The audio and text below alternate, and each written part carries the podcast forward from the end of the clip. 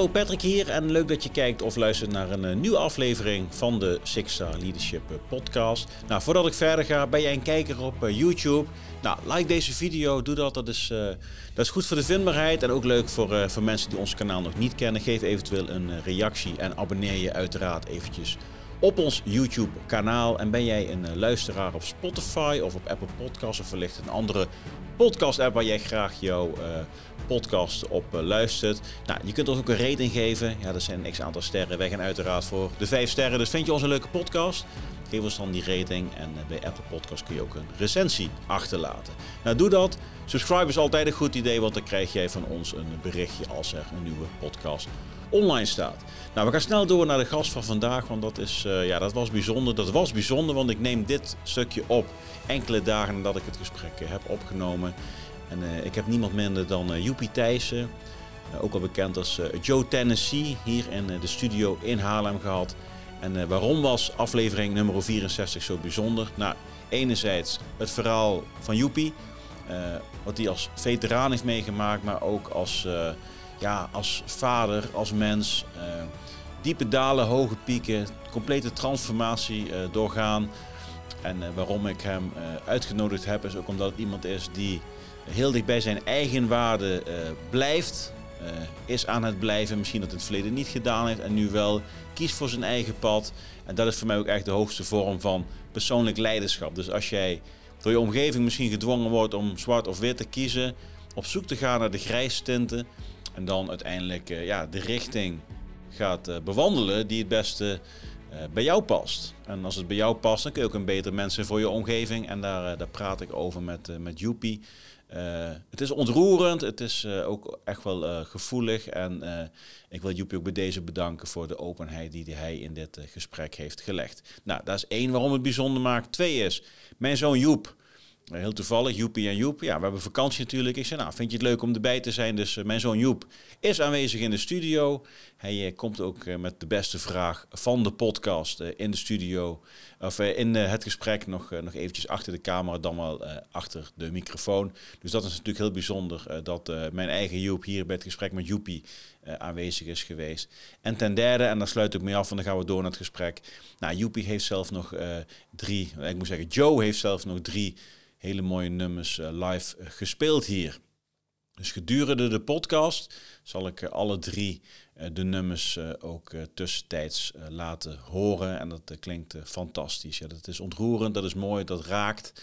En dat sluit eigenlijk ook aan bij datgene wat wij samen aan het bespreken zijn. En het allerlaatste nummer, dat wordt afgedraaid nadat we het gesprek beëindigd hebben. Dat is Joe Tennessee zijn nieuwe nummer. Nou, welke dat is, dat eh, mag je straks horen. Ik kan nog niet helemaal afspelen, maar de eerste paar coupletten die mag ik alles een soort van première delen met de kijkers en luisteraars van de Six Star Leadership Podcast. Nou, we gaan door naar het gesprek.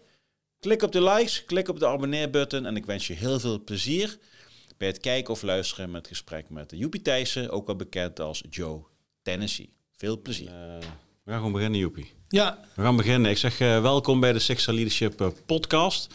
Aflevering nummer uh, 64 alweer. Jezus. En ik heb vandaag twee gasten in de studio.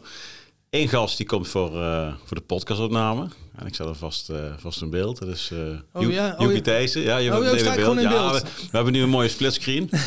ja, en als je te ver naar voren gaat buigen, dan kom je bij mij in beeld. Dus je moet, oh, dan, je moet met de strakke houding aan blijven nemen. Oké. dus, ja, en ik heb nog een gast. Dat is ja, Joep Koopmans. Dus Joep, kom er even bij snel. Even snel een beeld, dan uh, weten de mensen ook. Dus kan niet meer fout gaan, Joep. Dit is, uh, dit is de eerste, kijk hier is die, de eerste uh, Sixty podcast opname met publiek. Kijk. dus, nou, ga maar lekker je huiswerk maken. Joep en Joep in de, in de studio. Nee, en uh, ja, leuk dat je weer kijkt, leuk dat je weer luistert. Nou, ben je een YouTube-kijker en je bent nog niet geabonneerd, uh, doe dat gewoon eventjes. Dan uh, krijg je altijd van ons een berichtje als er een nieuwe podcast online staat. En ben je een Spotify, Apple Podcast of een andere podcast-luisteraar, nou, dan kun je ook abonneren, kun je eventueel een rating geven. En zo kunnen andere mensen zien wat voor podcast wij zijn. En dan kunnen ze ook zien of jij het een leuke podcast vindt vrijdagochtend. We hebben altijd mooi weer bij de podcastopname. En ook vandaag, uh, joepie. Ja, we worden niet eh, teleurgesteld. We worden niet teleurgesteld. Nee, nee want sinds de, de mensen die de podcast volgen zullen het herkennen. vroeger zat de zon bij mij aan de andere kant. Aan de rechtskant. Maar tegenwoordig zit hij dus vol op het dak, s ochtends vroeg. Dus we kunnen niet ontkennen dat we een hele mooie ochtend hebben. Nee, strak blauwe lucht. Ja, en welkom helemaal uit Waalwijk. Ja, uit Zuiden. Joepie. Dankjewel. Hoe moet ik zeggen, Joe Tennessee? Wat je wil, jongen. Wat je wil, ik, ja. ja. ik reageer er overal ja, op. Ja. Leuk dat je er bent. Ja. Wij, uh, ja, dit is de eerste keer dat we elkaar ook echt ontmoet hebben, volgens ja, mij. wel via social media. Ja. Ben ik ook tegengekomen. Wij zijn allebei influencer, hè? Waar, zijn we? Influencer. Oh, echt? Ja, nee. ik ben gewoon lekker mezelf, joh. nee, nee, nee. Nee, maar jij doet veel voor de veteranenwereld natuurlijk. Ja. En uh, dat, maar dat is voor mij niet de reden dat ik dacht van... hé, hey, ik vind het leuk om jou een keer een gesprek aan te gaan. Um, nou, we gaan er gewoon lekker het gesprek in. Er zullen een hele hoop onderwerpen voorbij komen... waar we nu nog niet van hadden kunnen dromen dat ze... Uh, ik laat me heel verrassen, joh. Ik vind, ik vind het leuk om te zijn. Dankjewel ja. voor de uitnodiging. Ja. En uh, ja, altijd iets teruggeven aan de maatschappij. En, ja. Ja, dus, uh, iets teruggeven de maatschappij begint iets terug te geven aan jezelf en van daaruit weer te gaan bouwen, toch? Ja, ja kun je, heb je jezelf niet onder controle of mm zelf niet in de hand, ja, dan wordt het heel lastig om voor jezelf te zorgen. En kun je niet voor jezelf zorgen, dan kun je ook niet voor iemand anders zorgen of iets teruggeven. Ja. Hoe, hoe goed de intentie dan ook is. Ja, dus het begint vaak bij jezelf. En vroeger vonden we dat misschien egoïstisch. Maar ik denk dat we wel steeds meer ontdekken met z'n allen van als je je eigen shit op orde hebt, of je eigen leefomgeving of je eigen identiteit steeds beter leert kennen, dat je dan ook beter in staat bent om een ander te bereiken. Ja, plus je veel genuanceerder bent, mm -hmm. denk ik. Uh, veel gestructureerder. En uh, ja, net als jij vroeger uh, vonden we dat egoïstisch. Maar ik denk dat we daar een beetje in doorgeslagen zijn van ja, altijd maar opofferingsgezindheid voor anderen. Ja, dat is goed. Mm -hmm. Maar als je jezelf gewoon niet in de hand hebt, fysiek en mentaal, ja, dan wordt het heel lastig om bijvoorbeeld voor je buddy of uh, in een groter uh, spectrum uh, voor elkaar te zorgen om überhaupt iets te betekenen. Ja, medemens. Ja. ja. Dus soms eerst dat je zelf je toko voor elkaar hebt, ja. fysiek en mentaal. En ga dan pas eens om je heen kijken van, hé, hey, waar kan ik nuttig zijn of wie kan ik helpen? Ja, ja, met deze woorden wil ik graag afsluiten. Nou, dat was hem. Nou Joep, kunnen we? We kunnen we daten, we kunnen we. We kunnen we daten. Nee, nee, ja goed, eh, maar... maar um,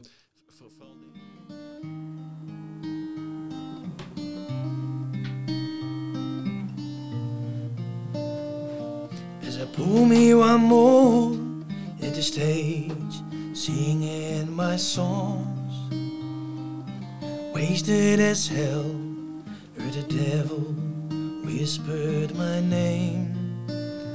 Thanking heaven above, I've just made it through another night. I've come a long way and lost everything I have found. Bad turns I've taken, or mistakes I have made along. The hard way I learned about life and the things I did wrong. I drink to remember to the point it releases my pain. Angels and whiskey are one and the same. I'm wandering around, never plan becoming a singer. I've got only words and a bottle to hold on to. You can go back, turn back the time, but somehow I found my way to sing my song.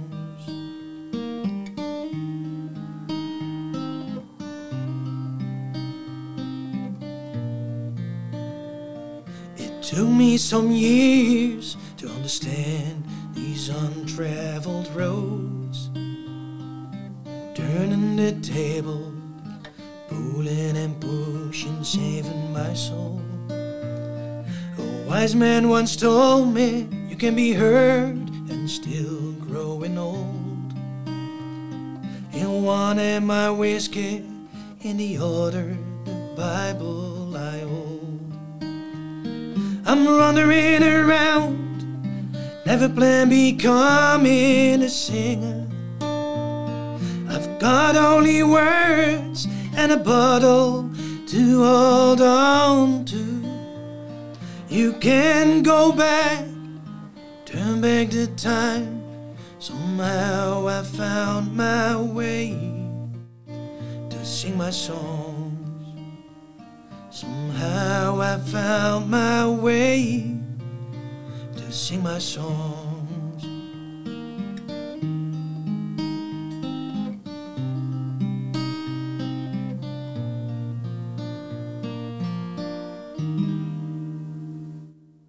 Met deze woorden wil ik graag afsluiten. Nou, dat was hem. Nou Joep, kunnen we? We kunnen we we kunnen we darten. kunnen we Nee, darten. nee, ja, goed. eh, maar ehm, voor- vooral deze stof, zeg maar. Ik denk dat we lekker op door kunnen gaan. Eh, maar je bent natuurlijk ook veteraan. Je hebt een eh, eigen verhaal als militair, als veteraan. Je hebt een levensverhaal als veteraan, denk ik. eh, waardoor je ook echt jezelf hebt moeten leren gaan kennen. Ja, klopt. En ja. nu ben je ook vooral bekend als ja, Joe Tennessee. Ja, als muzikant De man die inderdaad. vaak in, ja, in de podcast ook met eh, eh, whisky en Music Whiskey en Tennessee. Music Whisky en Tennessee. een eh, radioprogramma inderdaad Radioprogramma. van uh, veteranenradio. Ja, dus je hebt wel een, ook een transformatie eh, doorgegaan. Nogal. Huh? maar, maar stel je eens even voor eh, ehm, nou, hoe je jezelf zou willen voorstellen. Want ik kan natuurlijk van alles over zeggen. Ja, eh, nou, eh, om te beginnen, normaal zou ik zeggen, nou, ik ben eh, voormalig Pathfinder, Ja. maar eh, long me- de- Medeverkenner ook. Hè? Ja, Maar je kon het pand niet goed vinden. nee, nee, ik had niet de juiste eh, coördinaten nee, nee, meegekregen. nee, nee. Nee, Nee, ik had vier, vier cijfers. Dat is altijd schuld, altijd schuld van de commandant, hè? Altijd, altijd. Ja. Nee, zoekt fout bij zelf. Ja. Ligt altijd zelf. Mhm. En, eh, maar als je hulp hebt, durf te vragen. Dat Ja. denk ik dan ook. Hè? Dus eh daar heb ik dan Nee, maar ik had gelukkig ook een FM 9000 staan. Dus goed te bereiken. Nee, wie ik ben? Ik ben eh, vader van een gezin eigenlijk. Dus ik heb eh, drie zoons. Mhm. Keith, James en eh, Dean. Ehm, ik ben een eh, gescheiden kerel. Inmiddels ben ik hertrouwd met een fantastische vrouw die naast me staat. Daar heb ik dan ook de jongste zoon mee. Hoe oud is jouw jongste dan? Die is vijf, maar zegt dat hij zes is. Dus ja, zo'n ja. typetje. Je overdrijft een beetje. Ja. Ja. oh, man, man, man, man. Dat is er een. Nee, dus eh, om te beginnen ben ik gewoon vader van een gezin. Ik ben eh, veteraan. En eh, ik denk sinds kort ben ik wat serieuzer bezig met muziek. Dus het is eigenlijk als schijntje en als challenge is dat begonnen. Ehm, gitaar spelen en zingen. En dat is eigenlijk naar ehm, een verzoek vanuit de krijgsmacht adjudant is dat ontploft. eh, met Proud to be a Soldier. En eh, ja, en nu zit ik lekker in mijn vel. Ik heb nog wel mijn valkuilen. Ik kom er long de nog wel op.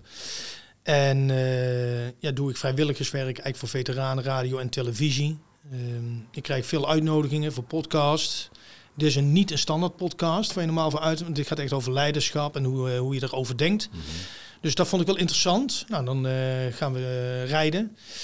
En ehm, ja, dat is eigenlijk in een nutshell eh, wie ik ben. Ben ik iets vergeten, Pet? Of, Ja, dat is jouw leven, hè? Ja, ja, Maar hoe is het om weer zo'n jongen... Want hoe, eh, hoe jong ben je, Joepie? ik word 48. Oh, acht is... Oh, oké, dan schelen we drie jaartjes. Ja, mijn, eh, mijn, mijn oudste is al zes. Die is wel echt zes. ja. Ja, ja, dat zit een beetje in dezelfde leeftijdscategorie, ook wat betreft kinderen dan. ja. Want jouw oudste kinderen zijn? Eh, de oudste is 14. De middelste James is 10. Ja, en de jongste 5. Oh, oké, ja. Ja, Oké. dus... Dynamisch. Merk je nou dat je sinds je weer een kleine hebt, je nu, nu jonger bent geworden? Dat je weer dingen gaat doen die je jonger en, niet eh, en grijzer. Dus eh, Grijzer ook, ja, je ja. gaat sneller grijzere haren kweken. Ja. Ja. Nee, Maar mer- merk je dat je weer dingen bent gaan doen die je eh, een aantal jaren niet had gedaan en plotseling zet je weer bij Monkey Town of zo? Nou, Monkey Town is, is niet mijn ding. En eh, Efteling ook niet. En heeft gewoon te maken met mijn eh PTSS-gerelateerde klachten. Mhm. Vind ik het, eh, kan ik eigenlijk prima... eh, nou, prima wil ik, is misschien een groot woord. Ik kan mezelf eh, onder controle houden met mijn triggers. Als ik in een gestructureerde omgeving zit, bijvoorbeeld als ik naar het theater ga en dat is gewoon een zitplaats. En ik zit langs de uitgang, of dan is het allemaal prima. Maar ga ik bijvoorbeeld naar Monkey Town, één grote Mhm. stuiter eh, en alles gaat links en rechts door elkaar. Dan, dan kun je aan het einde van de dag ben ik echt overprikkeld. Zelfs als Efteling. Of, dus dat doe ik dan niet. Mhm. Maar het wil niet zeggen dat ik dus bijvoorbeeld niks meer kan. En dat is wel prettig, want dan kun je ook gewoon met je gezin of met je vrouw een keer gewoon uit eten of eh, naar een concertje. Ja. Is, is dat minder geworden naarmate die jaren? Of is het iets wat gewoon Eh, permanent is? Nou, het is, t- eh, toen ik echt in, eh, in de puinpoeiers lag, eh, ja, helemaal niks. Mhm. Welke tijd- jaren praten we dan? Oeh, dat is denk ik eh 2006, 2016. Zo begonnen de eerste klachten zo'n beetje, 2015, 2016. Ja, dan ben ik vier, vijf jaar uh, zoet geweest. En in die periode heb ik toen ook mijn sportschool opgebouwd. Mm maar dat was echt helemaal uh, ja, drama. En daarna is dat eigenlijk, hè, zoals we in het begin al zei, heb je zelf weer een beetje op de rit en gaat het weer komen. Kun je ook wel andere dingen ondernemen. Mhm. Maar tot die tijd, ik dacht ook uh, toen ik in de puinpoel zat, weet je wat, doe ik even sportschool uit de grond stampen met 0 euro. Want uh, ik zou uh, sportleraar worden binnen luchtmobiel. Alleen bezuinigingen ging niet door. Ja, dan zou ik zelf wel iets doen. Alleen, dan kom je na vier jaar stort je weer in en denk oh ja, ik moet eigenlijk bezig zijn met herstellen en iets aan mezelf werken. En dat is dan niet egoïstisch, want het kost je gewoon je gezin en je richt best wel veel schade aan, ook in een gezinssituatie. En uiteindelijk, ja, om een heel lang verhaal kort te maken, kun je pas weer dingen gaan ondernemen als je zelf gewoon weer in de, in de hand hebt. Mhm. En dan zie je ook, als je zelf weer realistisch kan kijken, genuanceerder bent. En niet, hè, als er een twijgje ligt, niet een hele jungle ziet, maar denk, oh, daar kan ik gewoon overheen stappen. Uh, gaan er ook weer, zie je ook weer de mooie dingen. En dan heb je ook weer oog, bijvoorbeeld voor je vrouw of voor je kids. En mm. kun je ook weer dingetjes ondernemen. Dus dat is uh, ja, een beetje zo'n golfbeweging is dat Ben je in die periode ook, uh, is die scheiding ook plaatsgevonden? Ehm, nou, de scheiding, Kijk, ik neem mijn eh, ex-vrouw niks kwalijk. Lui veranderen gewoon. Ik heb mijn vrouw, mijn ex-vrouw, die deed parttime werken als in de kinderopvang. En ik ben begonnen als dienstplichtig soldaat door alle rangen binnen luchtmobiel opgeklommen tot teamleider Pathfinder peloton. Dus je, je leert heel veel dingen bij in het buitenland, in, in studies dan merk je op een gegeven moment, als je dan thuis komt, dan heb je nog een beetje over koetjes en kalfjes, want je hebt elkaar lang niet gezien. Alleen je, je bent zo uit elkaar gegroeid. Ik heb het dan bijvoorbeeld daarover en zij bedoelt hetzelfde. En dat gaat dan botsen omdat je door communicatie gewoon elkaar niet meer bereikt. Mhm. Ja, en uh, toen ben ik in de puinpoeiers kwam ik uh, terecht. Drank, drugs, ondertussen gewoon een sportschool uh, op, opbouwen. Ja, dan, dan op een gegeven moment gaat dat fout. Dan is dat klaar.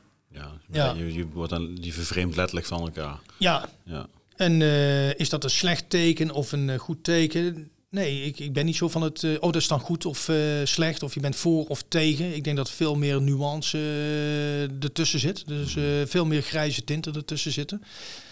Hetzelfde met leiderschap, hè. ken je ook vanuit Defensie. Ja, het is goed of fout. Mhm. Niet goed is opnieuw. Ja, mooi verhaal. Maar wat is het doel, weet je wel? Mm Wil je nou, is het doel vormen van nee, niet goed is opnieuw en het is toch goed en we gaan het toch opnieuw doen? Dat is een vormingsdoel. Mhm.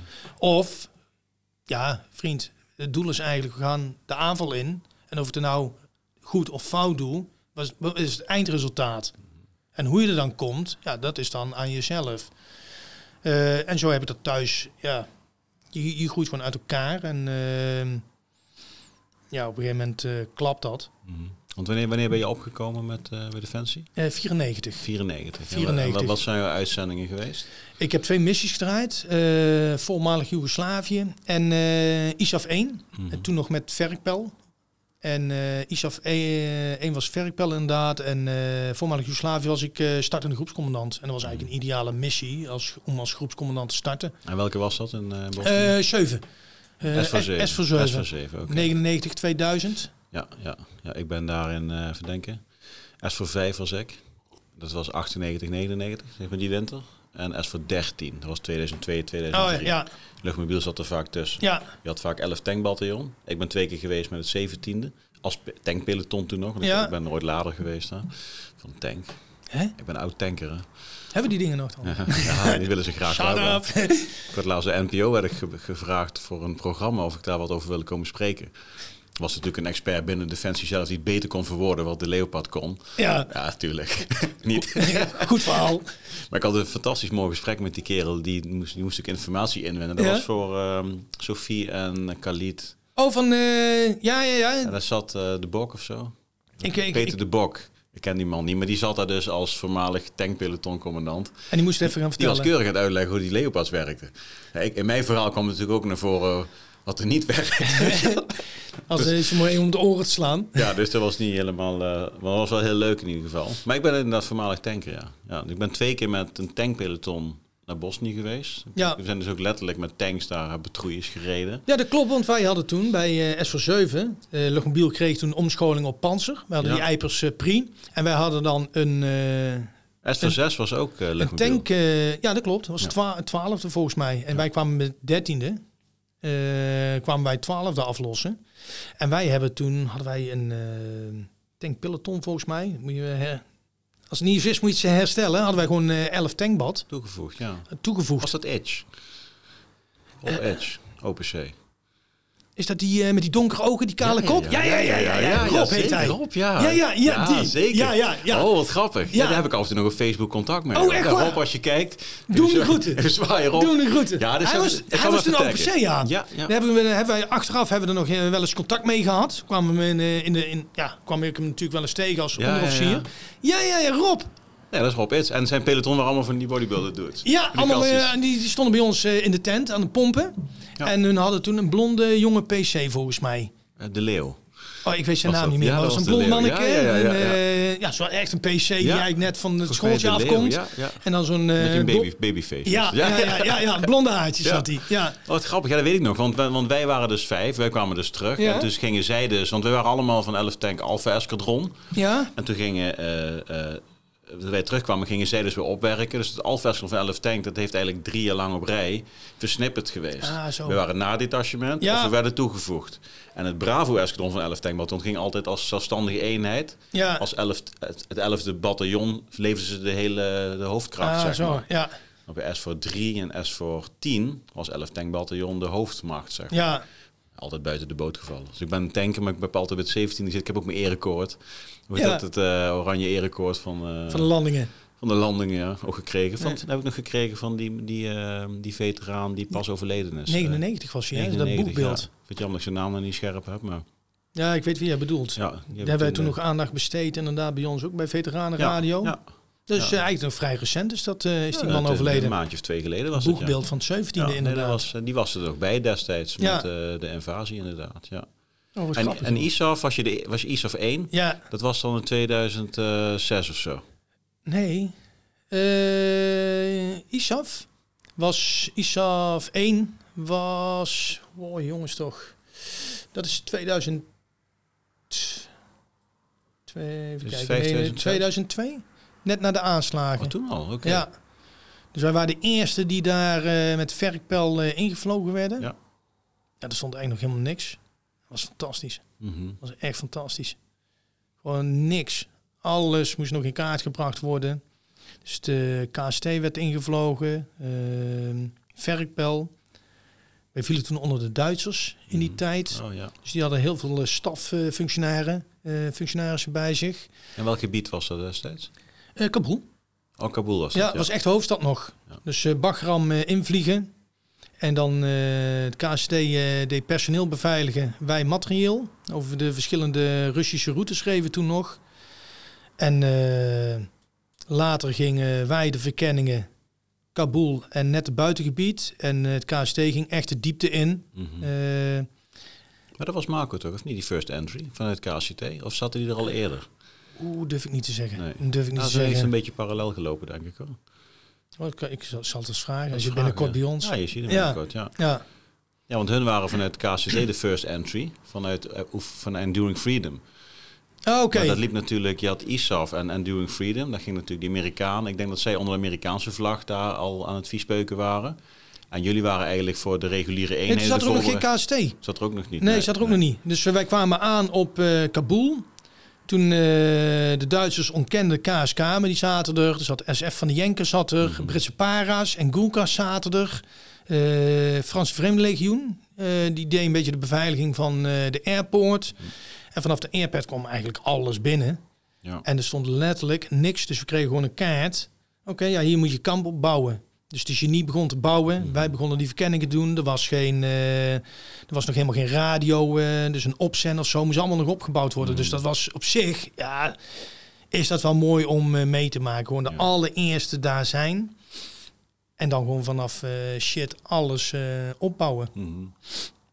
Dus ja, het was mooi om te zien. Maar dat was met 13 luchtmobiel. Ja, Ja, oké. ja. Maar je bent daarna niet meer terug geweest? Nee, ik heb, ben toen nog eh, een paar keer stond ik op eh, Notes to Move of werden aangevinkt om eh, redeployment Afghanistan te doen.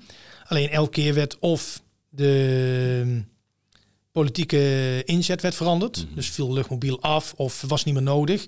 En dan ja, heb je misschien op vier andere missies gestaan, alleen door politieke keuzes of andere eenheden die eh, aangewezen werden, eh, niet. En de laatste waar ik heel dichtbij was, was eigenlijk Irak. En zou ik eigenlijk heen gaan met mijn eh, twee broertjes, zat ook bij luchtmobiel. Beetje Saving, eh, Saving Private uh, Thijs verhaal. Dus wij vonden het Maar zouden jullie, jullie leven nog allemaal? Ja, Ja, nee. Ja. ja, ja. Even een kleine kanttekening. ja. klein detail. Dus onze moeder vond eh ja, wat minder. Mhm. Alleen ik had net bij school luchtmobiel, want ik kwam terug en ik moest voor eh, BOT moest ik een eh instructiestoel draaien. Ja, je weet hoe dat gaat. En een van de ja, lul en ik ga het niet doen. En dat leefde toen een beetje bij ons. Ja, ik zei ja, als ik dan toch moet, dan ja, je moet breed, misschien met panzer. Huh? Ja, breed. Ik, ik, ik wil alleen maar bij luchtmobiel. Dus ja, dat betekent voor mij naar Schaarsbergen. En toen ben ik dus naar Schaarsbergen gegaan. Toen had ik net getekend van ja, dan kom ik en dan eh sta je gewoon als eh, wat is het groepsinstructeur voor eh, schoolbataljon luchtmobiel. Ja, toen ging eh 13 ging naar Irak. Ik denk, kak! Ja, ik denk ja, ik ben wel een type. Als ik daar ja zeg, ga ik niet zeggen van ergens via een achterdeur zou je uiteraard toen in die tijd Had je het kunnen regelen? had je het Ja. kunnen fixen. Alleen ik vond dat niet fair enough. Ik vind als jij ergens ja zegt en er is geen... eh, ja, de wereld vergaat niet. Mhm. Ga je ja, eh, daarbij het woord voegen en ga je daar... Daar heb je getekend. Ja. Ik, ik vind, dan moet je ook eerlijk zijn. En dan is het niet alleen maar, oh, dan eh, even nog een missietje meepakken. Nee, ik heb daar getekend en dan ga ik daar landen. Punt. Ja. Tot wanneer heb jij dan eh, gediend? Ik ben met officieel ontslag 2016. 2016. Ja. En wa- wanneer zijn jouw klachten ontstaan? Want je hebt natuurlijk je... La- dat is eh, eigenlijk na Afghanistan eh, was dat. En ik wist helemaal niet dat ik ze had, want ik was echt, ik denk binnen luchtmobiel eh, voelde ik me gewoon de ultimate warrior. Hoeha en esprit de corps hoog. Was je ding aan het wegduwen? Of? Had ik niet eens in de gaten. Nee, nee, nee. Had ik niet eens in de gaten. En, Onbewust eh, systeem misschien. ja, en wat mijn klachten, mijn triggers waren met name altijd aanstaan, gefocust, agressief, rammen. Eh, maar ja, er waren natuurlijk eh, eigenschappen die ze heel graag in die eh, eenheden terugzien. Mhm. Dus dan blink je uit eigenlijk eh, in dat soort gedrag. Ja. Alleen helemaal niet beseffende dat misschien de achterliggende triggers of waarom jij die driver had, dat het ergens anders door getriggerd werd. Nee, mijn klachten, toen dat echt duidelijk was, was ik toen in die tijd was ik ploegcommandant Pathfinders. En ja, daar waren we gewoon veel van huis. Van oefening naar oefening, van inzet daar, dus daar. En uiteindelijk eh, hadden we springbivak in Duitsland. En toen belde mijn ex-vrouw op. En die oudste die was toen een jaar of vier of zo. En eh, die zei, ja, schat, ik trek het niet meer. Die kleine is eh, ziek, zwak en misselijk. Ik krijg hem niet stil. Ik zei, kom naar huis. Dus er, er knakte iets in mij. Ik kon er de vinger niet op leggen. Ik zeg, kom er nu aan. Mhm. Maar dat is misschien ook compensatiedrag, want je wilde er altijd zijn voor je gezin als vader. Alleen, dat deed je op een andere manier. Je bracht en geld binnen en je zorgde dat hier in Nederland je gezin en iedereen veilig eh, kon leven. Mhm. Hè, met de, met de, alle gemakken die we kennen. Eh, daarvoor deed je inzet. Alleen op dat moment had ik zoiets van ja, ik ken het riedeltje wel. Weet je, wel. Je- en weer patrouille en weer eh springbivak. Dus ik heb de auto gepakt, ben ik naar huis gereden. En één stuk. Denk, nou, weet je wat, net voordat ik eh, thuis kom, ik ga de supermarkt in. Ik pak even Red Bull en een gevulde koek. En dan kan ik thuis even op suikers die eerste klap van de oorlog kan ik wel even verwerken. Alleen eh, toen ik bij Zinnen kwam, eh, dus ik heb een eh, blackout gehad, heb ik heb van horen zeggen. Was een oud vrouwtje die mij aansprak van nou meneer wat u doet is niet normaal. Maar bleek nou had ik een gast in een nekklem gelegd. Die was al blauw aan het worden. En hebben ze mij met drie man van zo'n gast af moeten trekken. En ik wist de trigger niet, de aanleiding niet. Ik wist, ik wist compleet het voorval niet. Denk, ja, eh, oké, dat is niet goed dus.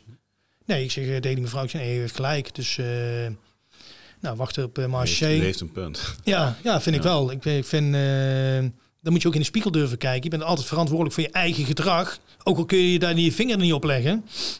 Je zal altijd verantwoording moeten afleggen voor je eigen teksten, daden of een combinatie ervan. En eh, dat heb ik ook altijd gedaan. Altijd open en eerlijk, al kost je je eigen fucking kop. Dus ik heb gezegd, oh nee, dat, dat klopt. dat is niet goed wat ik doe. Ik ben fucking onderofficier. Mhm. Eh, Oké. En nu? Ehm, nou, de baas gebeld. Zeg, goed en slecht nieuws. Zeg, goed nieuws, de auto is eh, hier. Slecht, slecht nieuws, je kunt aangifte hebben van poging tot doodslag of moord of whatever. Wat de aanklacht is. Ik zeg, als dat zo is, zeg, dan ga ik naar Arnhem. Ik zeg, ik ga mezelf eh, ter verantwoording roepen. Ik zeg, en elke straf die ik krijg, accepteer ik. Eh, Oké, nou, ik heb voorval verteld. Nou, los het, probeer het eerst thuis op te lossen. Eh, nou, thuis opgelost. Nou, dan ga je een beetje ziek thuis, procedure. Volgens mij ben je gewoon overwerkt. We zijn alleen maar weg geweest. En ja, da- daar begint een beetje mee. Nou, dan wordt het... Hé, wanneer gaan we weer? Want we moeten weer rammen. We gaan eh inzetje daar. We gaan met KST. Oh, kijk hè. Ik ga wel weer mee. En dan een beetje vooroefenen op Arnhemse Heide. Gewoon een kantoordagje eigenlijk. En voor vijf uur was ik weer eh, helemaal ingestort. Ik denk, wat de fuck is dit, joh? Eh, baas, ik ga weer naar huis. Ik trek het niet. Ik kon de vinger niet opleggen. En ik snapte er helemaal niks van wat er met mij gebeurde. Nou, uiteindelijk langer als drie weken ziek thuis. Dan ga je naar de richting arbo-arts en heel die... en toen, eh eerst gesprek bij die arbo die gast zegt van... Nou, ik denk dat ik jou even door eh, stuur naar de GV. Ja, dat lag natuurlijk gevoelig, want je komt natuurlijk uit een hoeha eh gehalte hoog. Ja, en de zielenknijper, dat was nou net iets niet dat je zegt van nou weet je wat, eh, oh nou dan ga ik even heen. Oh, gezellig. De zielenknijper. Ja, de zielenknijper, weet je wel. Maar ik denk, ja, Maar je hebt natuurlijk gezien wat mijn volgende podcastgasten allemaal gaan, wie dat zijn. oh, Even die foto, eh Luc, Ja. Luc Polier, eh, Ja. Maarten Oversier. ja. Als we zielenknijpers hebben, dat Ja. zijn natuurlijk... Ik ben toch gegaan. Ja. Dus ik eh, ging naar eh, ISK toen. Ja, daar eh, zat ik toen voor Schaarsbergen. Die, die man die stelt drie vragen. En ik zit als een kleine baby zit ik gewoon te huilen op de grond jongen, in de feutushouding. Wat de fuck is dit, joh? Mhm. En dan gaat er alles doorheen. Schaamte, want je hebt jezelf niet onder controle. Ik denk, ja, ik ben eh eh, gelouterde onderofficier met eer en geweten. Ik denk, wat de fuck is dit, joh? Alleen gewoon de onmacht dat je niet weet eh, waardoor jij in elkaar stort. De- dat, dat was heel controle, beangstigend. De Ja, controle kwijt zijn. was heel beangstigend. Ja. Nou, en hij zegt, nou, als ik jou zo hoor, ik, ik lijkt wel PTSS, joh. Je een testje doen? Ik ja, is goed. Nou, testje gedaan. Ja, ik zie het al, zegt hij. Eh, ik heb hier de uitslag. Er is geen twijfel over mogelijk. PTSS-gerelateerde klachten. Ik zei, ja, gelul, weet je wel. Want ik zag die carrière van mij. Hey, ik, eh, ik wilde nog eh, naar de drie cel bij het KCT. Drie cel Maar, maar wat is er dan gebeurd tijdens die uitzendingen? Of zijn het andere traumatische momenten? er is een stapeling van. Ja. Er is een één die ook bij de, de sessies voor herstel, daar heb ik dan aan meegewerkt. Eh, naar boven kwam was eh, dat wij op een gegeven moment in de fuik reden in eh, Kabul. Het verkeerde wachtwoord bij. En die spanning liep dusdanig op dat wij gewoon ja, met wapenstenen over elkaar stonden. Kalashnikov tegen je kop. Het eerste voertuig hadden we al over de komst van nou die schrijven we af. Er zat toen de PC in. En ik zat in het tweede voertuig. Ja, dat was, eh ja, was kantje boord. En het frustrerende was, we hadden toen andere rules of engagement. Dus eigenlijk ben je getraind om te rammen. Maar volgens de rules of engagement mocht je niet rammen. Dus je wil gas geven eh, en rammen, maar je staat nog op de handrem. En die frustratie en eh, met name dus de impact die het maakt als je dus gewoon wapens op je, op je, op je schedel krijgt, eh, is eigenlijk als een boemerang is dat teruggekomen. En dat was een van de vele prikkels die ik daar heb opgelopen. Die uiteindelijk ja, de druppel oh, ja, van de emmer tot stand eh, brachten. Mhm. Ja, dus heel het genezingsproces in. En eh, ja, van... eh, nou, uiteindelijk, ja, ik zei dat is gelul, weet je wel. Doe maar second opinion. Oké, hij is gehoord. Doe maar second opinion. Nou, second opinion. Dan moest je naar Utrecht toe. En van de 14 eh, vragen kon ik er 16 afvinken. Dus was eigenlijk nog veel slechter. Ja, wat wilt u doen? Ja, hoe bedoel je? Ja, je kunt vrijwillig meewerken aan eh, revalidatie. Ja, of gewoon eh, terug naar je eenheid en dan weer doorgaan met rammen. Ik denk, ja, wacht even, ik heb kleine kids thuis zitten. Stel nou dat ik een dagje Efteling doe. Ja, niet dat het gaat gebeuren, maar stel dat ik een boodschapje doe. Het gebeurt weer en er staat niemand omheen Ja. die ingrijpt. Je komt een keer bij Monkey Town. Ja. Ja, dan is het probleem vele malen groter. Mhm. En daarmee is jouw probleem is helemaal niet aangepakt. Dus toen heb ik gezegd, ja, dat gaan we dus wel aanpakken. Ondanks dat ik daar totaal niet, geen zin in had. En ook, Mhm. ik, ik vond, daar heb ik tijd niet voor. Ik wil Pathfinder zijn. En daar ben ik heel goed in. Ook met die triggers. Alleen heb ik gezegd, nee, dat ga ik dus niet doen. Ik heb thuis kids zitten. En uh, ja, toen ben ik dat revalidatieproces ingegaan. Uh, meegeholpen aan, uh, of meegewerkt eigenlijk aan dat revalidatieproces. Ja, en dat we op een gegeven moment medicijn gebruiken. Ik was echt verknipt. En ik zei, ja, doe ik niet. Medicijn gebruiken. Ik was toen full in sporten en rammen en weet ik het allemaal. Ik zei, doe ik niet. Nou, zegt die, die arts, van, nou, als jij ze niet pakt, dan ga je gewoon naar Renier van Akerhol. Dan ga je gewoon insluiten. Mm. Dus zo verknipt liep je rond. Ik zei ook, dan doe maar medicijnen. Want ik dacht, nou, dan heb ik tenminste nog mijn, mijn gezin houdt dan nog over. Ja, niet beseffen dat natuurlijk al jaren eerder de eerste signalen zijn. Alleen die pak je niet op omdat je helemaal aan het draven en rammen bent. Uh, dat je huwelijk al lang uh, kapot was. Alleen dit was in het huwelijk dan weer de trigger geweest om te zeggen, ja, hey, weet je wat je doet, Johnny? Komt maar even, even, even sprongetje in de tijd. Als je kijkt naar hoe je nu naar je eigen mind kijkt. Mm -hmm je eigen ziel misschien ja. wel. Ehm, en je gaat naar de Joepie van toen. Ja. Zou je toen anders naar dingen hebben gekeken en aangevlogen hebben dan dat je het uh, toen hebt gedaan? Als je met de wijsheid van nu die dat, die dat hele pad jou heeft gegeven? Ja, dat is lastig te zeggen, want achteraf is het natuurlijk altijd makkelijk lullen. Met, met de kennis die je nu de hebt. De lessen zitten in het verleden natuurlijk. Um, Kijk, ja, ik, mooi. Kijk, ik kan me heel goed voor als ik ook naar mezelf kijk. Ik, ik, ik heb ook over de kazerne heen gedwaald. Ja als ik, als ik nu naar mezelf kijk van, goh, dat had ik gewoon anders kunnen doen. Terwijl ik toen ik, blij ben wat ik, het, wat ik het toen heb gedaan, want daarom ben ik geworden wie ik nu ben. Ja, ja ik, ik zou qua loopbaan, zou exact dezelfde loopbaan. Dus grofstoffelijk zou ik, alleen er zitten wel bepaalde dingen waarvan ik zeg, nou misschien had ik daar, toen ik die trigger, hè, uh, ik zag ze toen niet als trigger, maar bijvoorbeeld emotie of uh, hoe ga ik om met een teleurstelling of uh, hoe ga je om met een wapen op je hoofd. Mm had je misschien meer aandacht aan moeten schenken van buiten van ja, dan, dan alleen je patrouillerapport invullen of een special to report of zo, weet je wel. En dan, uh, en dan door. Maar morgen gaat de zon weer op en gaan we weer inzet doen of nachtelijke inzet. Ja, had ik daar langer bij met de kennis die ik nu heb, dus, zou ik wel zeggen, ja, dat, moeten we. Uh, wel... maar, dat is, heel, dat is heel praktisch natuurlijk. Ja. Maar je hebt natuurlijk ook hoe kijken we tegen een GV'er aan? Ja. Hoe gaan we om met uh, onze eigen kwetsbaarheid? Uh, staan we open om onszelf de ruimte te geven om uh, misschien af te wijken van dat wat de eenheid van je vraagt, zodat je jezelf centraal stelt? Ja. Dat heb je denk ik al die jaren niet gedaan. Nee, en ook de vraag stellen, hè, want we, we krijgen allemaal lessen in mental health mhm. awareness. Ik heb er zelf les in gegeven.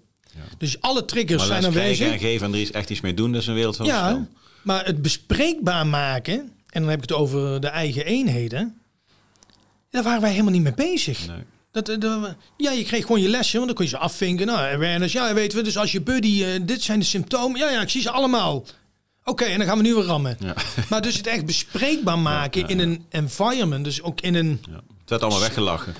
Ja, of gewoon niks mee gedaan. En heel simpel, ik vond dat ook prima. Hè? Dus er is niks te nadelen van je eenheid of van de mate. Zo bedoel ik dat helemaal niet.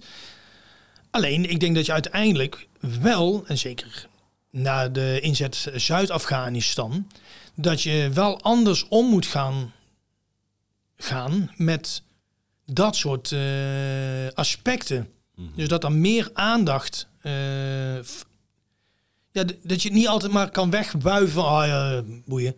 Ja. Hè, dus, en het hoeft ook niet te soft te zijn. Je moet niet vergeten, het zijn gewoon allemaal vechtersbaasjes. Maar dat er meer nuance uh, komt en dat er ook iets. En als je zoiets hebt, dan is het vaak ook nog aan de fans zelf of er iets mee doet. Kijk, ik heb de keuze gedaan. Ja, ik ga dat zelf doen. Ik wil zelf beter worden, maar dat heb ik ook altijd gehad. Ik wil winnen. Mhm. En als je wil winnen, moet je fit zijn. Dus dat betekent, oké, okay, uh, wil ik weer winnen. Uh, nu, toen in de tijd was sportschool. Ik wil succesvol ondernemer zijn. Ja, dan begint het dus weer bij jezelf om eerst je eigen tyfuszooi voor elkaar te hebben, fysiek en mentaal. Om dan pas weer de volgende stappen te maken. Anders gaat het hem daar echt niet worden. zeker als je een sportschool begint. Ja. Maar ik denk dat voor elke ondernemer geldt dat je uitgerust moet zijn om scherp te zijn, om ook het verschil te maken. Ja. Kijk, maar e- even naar de, naar de tijd van nu. Um, niet de tijd van nu, denk de tijd is algemeenheid. Ook kijken naar een omgeving als defensie. Op het moment dat jij als individuele militair um, ondersteund wordt om uh, en dat het ook bevorderd mhm. wordt om, om jezelf de tijd te geven om op zoek te gaan wie je daadwerkelijk bent. Uh, zodat je zeg maar de, um, de trauma's die we hebben een plaats kunnen gaan geven en op die manier onszelf steeds beter kunnen gaan leren kennen, Ja, dan ga je ook andere vragen stellen wat er allemaal om je heen gebeurt. ja. En, En, dan- en dan ga je dan ook de vragen stellen die je laten doen twijfelen of datgene wat je op dat moment aan het doen bent wel hetgene is wat je wil doen. En Ja. is, is Defensie dan niet onbewust door mensen te ondersteunen in dat pad, Mhm. zichzelf aan het beroven van mensen die voor hen willen werken?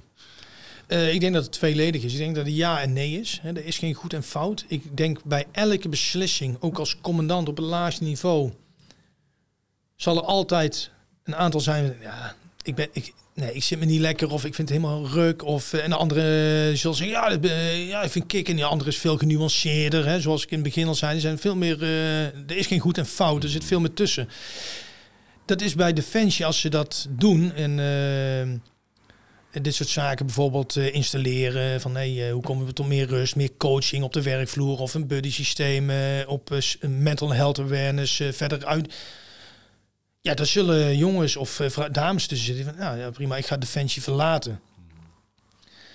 Alleen ik denk, als we helemaal teruggaan, eh, wie kiest er voor Defensie? Of het zijn allemaal toch een bepaald type volk. En ik vind eh, een, uiteindelijk of het nou Defensie is of First Responder of whatever, de mens moet centraal staan. Dus als dat de keuze is van die vrouw of die, in mijn geval mezelf, kijk, ik zou nog steeds bij Defensie willen werken. Alleen als dat niet meer kan, of als luid door andere inzichten Defensie zelfstandig gaan verlaten, ja, de, ja snijdt Defensie zich daarmee in de, in, in de voet. Ik denk uiteindelijk niet. Ja, vacature gezien wel, dus technisch wel. Maar als ik kijk naar het menselijke aspect, denk ik niet. Want poppetje X of Y eh, is daar beter voor. Mhm. Die wordt daar beter eh, van. Mhm. Dus eh, Maar het- hoe ben, je- spiritueel? eh, ja, zelf vind ik eigenlijk, heb ik daar niks mee. Ja. Maar ik merk wel vanuit mijn omgeving van dat ik wel bepaalde... Ja, ik weet niet of dat spiritueel is, maar dat ik Maar sta, is- soms filosofisch of... eh, Ja, eh, heb je, be- bevraag je jezelf wel eens? Ja. Gewoon wel, wel, waarom, waarom doe ik de dingen die ik doe? Eh, Ja. wat, wat is er nog meer dan datgene wat ik denk dat er is? Ja. Dat soort vragen. ja, en de, met regelmaat. Ik denk dat iedereen dat ook doet. Hoor. Ik- dus dat is, dat is al spiritueel zijn. Hè? Ja, Dus, nou dan ben ik spiritueel. Ja. Ja, Ik, eh, ik kan mezelf eh, evalueren. ja. Van eh, oké, eh, hè, dan ben ik, eh, ik noem maar iets, eh, stress in huis, eh, honger. eh, kids waren chagrijnig. Ik was niet fit, weet je wel. En eh, ontplof ik. Oké, dat is niet handig. Waarom word ik eigenlijk kwaad? Mhm. Dan kan ik dat anders doen? Want eh, er is niet iets incidenteels. Hè? Dat eh, gebeurt wel eens vaker. Ja, waarom ontplof ik dan? Hoe kan ik daar eh, zorgen dat voordat ik ontplof, Mhm. zeg van oké, Johnny, dan gaan we weer. Je gaat weer drie stappen te hard. Haal die angel er nou eens eerst uit, zodat je de-escalerend werkt, met name naar jezelf. Want ga ik ontploffen, dan heb je nog meer stress in de kiet. En j- jij wil juist dat die stress eruit gaat. En, en, en, en heeft die uitzending ehm, en, al- en, meerdere, en alle gebeurtenissen die je daaraan hebben toe bijgedragen, ehm, misschien naar boven gehaald wie jij daadwerkelijk diep van binnen bent en daardoor ook het pad bent gaan bewandelen door dat je nu de dingen aan het doen bent die het beter bij jou passen? Ehm, nou, dat durf ik niet te zeggen. Kijk, een, ehm Defensie heeft hele grote impact op mij gemaakt. En ik zou het zo weer doen. Ook met de kennis die ik nu heb van de in de puinpoeiers toch eh, Defensie eh, moet verlaten. Ehm, heeft het ook heel veel mooie dingen gebracht. En eigenlijk mooiere dingen van... Het heeft me gevormd zoals ik hier nu zit. Nou, dat bedoel ik dus. Hè? Dat is precies Eh, wat, ik, wat ik bedoel dus. Dus het is een, een, een, een pad wat jou gebracht heeft tot waar je nu bent. Ja, en eh, daar zit nog de, een tweede deel is eigenlijk mijn privéomstandigheden. Dus ik heb natuurlijk een dochtertje verloren. Ehm, ja, dan leer je ook veel over jezelf kennen. En dan ga je echt eh, tot op het bot en op je ziel. eh, kom je op plekjes, dan gun je ergens vijand niet. En dan leer je jezelf zo goed kennen. Dat je van, huh? Oké, dus zo denk ik dus echt in de kern, in, in, in, de inborst van mijn, van mijn ziel. Dus echt in de kern, oh, dus zo werk ik dus. En dat is alleen maar versterkt door de fancy en eh, door het verlies van je dochtertje. Dus als je ook een mening formuleert, dan denk je, ja, zo denk ik. En dan kun jij iets van vinden. Je kunt daar linksom gaan, je kunt daar weerstand om. Dat is zoals jij dat vindt. Dat jouw mening. Dit is mijn mening en die verdedig ik. En daar sta ik voor. Dus ja, ja, Maar even tussendoor, je hebt een dochtertje verloren. Dus ja. Niet? ja, ja, ja dat, dat, was mijn eerste kind. Met uh, 38 weken en drie dagen uh, was dan met mijn ex-vrouw, uh, Chrisje. Wij moesten die liep twee weken voor op het geboorteschema. Dus wij, ze konden niet pinpointen van nou, wanneer ben je dan zwanger geraakt. En toen gingen we eigenlijk op controle kijken in het ziekenhuis van ja, is bekken, is dat groot genoeg, dan uh, gaan we inleiden. Want anders na twee weken, zeker aan het einde van de zwangerschap, groeit dat kind zo snel. Ja, moet er nog wel uit kunnen via een normale geboortekanaal. En toen zei mijn vrouw uh, één dag van tevoren, ja, uh, Chris is allemaal aan het stuiterballen en ik voel er niet meer. Ik ja, maak jij niet druk joh, weet je wel. Morgen hebben we controle, parameters, hartslag, alles gaan we controleren. En dan, als jouw bekken groot genoeg is, gaan we inleiden. Ik sta naast je, want als vent, ja, je kunt echt fysiek kun je niks betekenen tijdens zoiets. Maar mentaal of eh, qua steun kun je alles. Want je hebt de pijn niet, je, je, kunt, je hebt je handen vrij. Zeg, dat, dat komt goed. Dus wij ochtends op controle. Nou, uh, echoscoop, dus eerst je vrouw krijgt een parameter. Dan gaan ze met zijn echoscoop over die tummy heen. Ja, je kunt dan meekijken op dat beeld. Ja, je ziet gewoon een, een ja, er zit geen weerstand op. Dus als je zo'n echoscoop, dan zie je ook dat dat drijft gewoon. En normaal, omdat je meerdere controles hebt, hoor je gelijk dat hartslagje. Ja, hoorde je niet. Hè? Zijn we aan zoeken. Ik haal even een collegaatje. Ja, dan weet je eigenlijk al wat er gaat komen. Alleen, het gaat nog niet... Je weet, je ziet het, je hoort het, of je hoort het niet. Je ziet die mevrouw uh, zoeken en uh, ja, de eerste... Oh, ik heb uh, daar slecht. Ik haal even... Nou, dan komt die, de opperhoofd van die echoscoop komt er dan bij. Ja, die is heel direct. Nou, ik heb slecht nieuws. Uw kindje is uh, overleden. Bam! Nou, je, je vrouw uh, die lacht dan, maar die spuugt alles van emotie en uh, spanning. ik stort in. huilen. En dan zeg je doodloop, ja, nou, dan kun je nu naar huis en dan gaan we morgen inleiden. Ja, ik heb geen huis, weet je wel. Maar dat is dan de, de, ja, hoe, hoe zo'n ziekenhuis werkt, weet je wel. En ik zei, ja, doe maar keizersnee. Ja, dat doen ze dus niet, want ze gaan niet snijden in een gezond lichaam. Dat is Nederland. En daar heb ik respect voor. Alleen dat betekent dus dat je met alle emotie... Moet bevallen. Gaat bevallen. Alles wat er mis kon gaan in zo'n bevalling ging ook mis, weet je wel. Dus het kind werkte aan niet mee. Blok, op een gegeven moment was die pijn zo groot. Blok uh, was niet goed gezet, dus maar half verdoofd. Weeopwekkers te veel, dus op een gegeven moment kun je er niet meer remmen. Uh, nou, uiteindelijk wordt Chrisje geboren. En voor mij als vader was wel zoiets van, ja, toch is het wel mooi. Want na negen maanden, ah, ja, iets minder dan negen maanden, is het eerste moment dat ik mijn dochtertje ga vasthouden, kan ruiken, kan voelen. Maar je weet ook meteen, dit gaat heftig worden, want binnen zeven dagen is het allemaal weer klaar. Dus je moet als vader dan wel de verantwoordelijkheid hebben en er staan. Want iemand een heel mensenleven heeft, met, je ziet je kids opgroeien. Ja, dat moet je in zeven dagen doen. Want daarna wordt begraven of cremeren. En heb je alleen maar nog te herinneren. Je kunt er nooit meer voelen, je kunt er nooit meer ruiken, je kunt er niet meer aanraken. Dus mijn vrouw had als uh, instinct van, uh, nee, ik wil Christian niet vasthouden. Ja, dat is eigenlijk in de kern heel natuurlijk. Gebeurt, met dieren gebeurt het ook zo. Maar zo ziet ook een bevalling eruit. Weet je wel, het is gewoon zo puur. En dan, ja, ook als mens ben je dan kwetsbaar. Uh, ook met alle kennis die we dan hebben. Maar in het dierenrijk gebeurt het ook zo. Ja, je stoot je kind af. Van, ja, het, doet het niet. Dus mijn vrouw had het heel sterk. Maar ik had als vader, ja, dit is mijn moment dan. Want ik heb Chrisje, kon een keer met je hand over de buik heen aaien of een keer luisteren. Dat was mijn contact met mijn dochter. Ja, dan krijg je een levensloos kindje in je handen. Er zit alles op, hè. Wimpertjes, nageltjes, uh, haartjes, oogjes dicht. Maar er komt geen geluid uit, weet je wel. Helemaal... Uh, ja, weerstandsloos, dus helemaal slap. En dan voel je die lichaamswarmte, voel je letterlijk, voel je wegappen. Maar het is niet de lichaamswarmte van je kind, maar het is gewoon de, de kerntemperatuur van je vrouw, die voel je uit dat kind wegappen. Ja, en dan is kindje aankleden. Uh, en dan begint heel die toeters en bellen. Kindje in een auto naar huis vervoeren. En we hebben toen alles zelf gedaan. Ja, dat, uh, dat vormt wel je karakter, zou ik maar zeggen. Zo. En uiteindelijk hebben we gekozen voor crematie. Crematie gedaan heb ik nog een, uh, als vader een uh, afscheidsspeech gehouden. En ja, daar houdt gewoon in.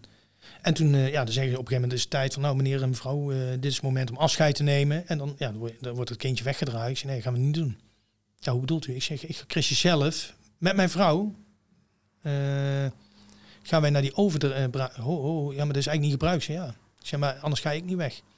Ik zeg, ik breng mijn dochter zelf naar die crematieruimte. Ik ga die op die overband zetten. Nou, er werd er even druk overlegd, want dat is niet gebruikelijk. Ja, dat is goed. En voor mij was dat ook een stukje verwerking van... Nee, voor mij staat er nog niet af, dat hoofdstuk. Nou, dan ga je eigenlijk uit zo'n mooie ruimte met kaarsjes en uh, ja, je weet, een crematie of een uh, begraafplaats eruit kan zien. Nou, dan ga je de ruimte. Ja, dat is, dat is gewoon een fabriekshal, joh.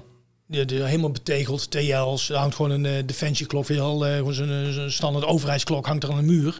Backstage, zeg maar. Ja, dus, ja. en uh, er is niks romantisch aan. En die oven staat al gewoon te loeien. En dat is gewoon echt zo'n roestvrij stralen bak met een loopband.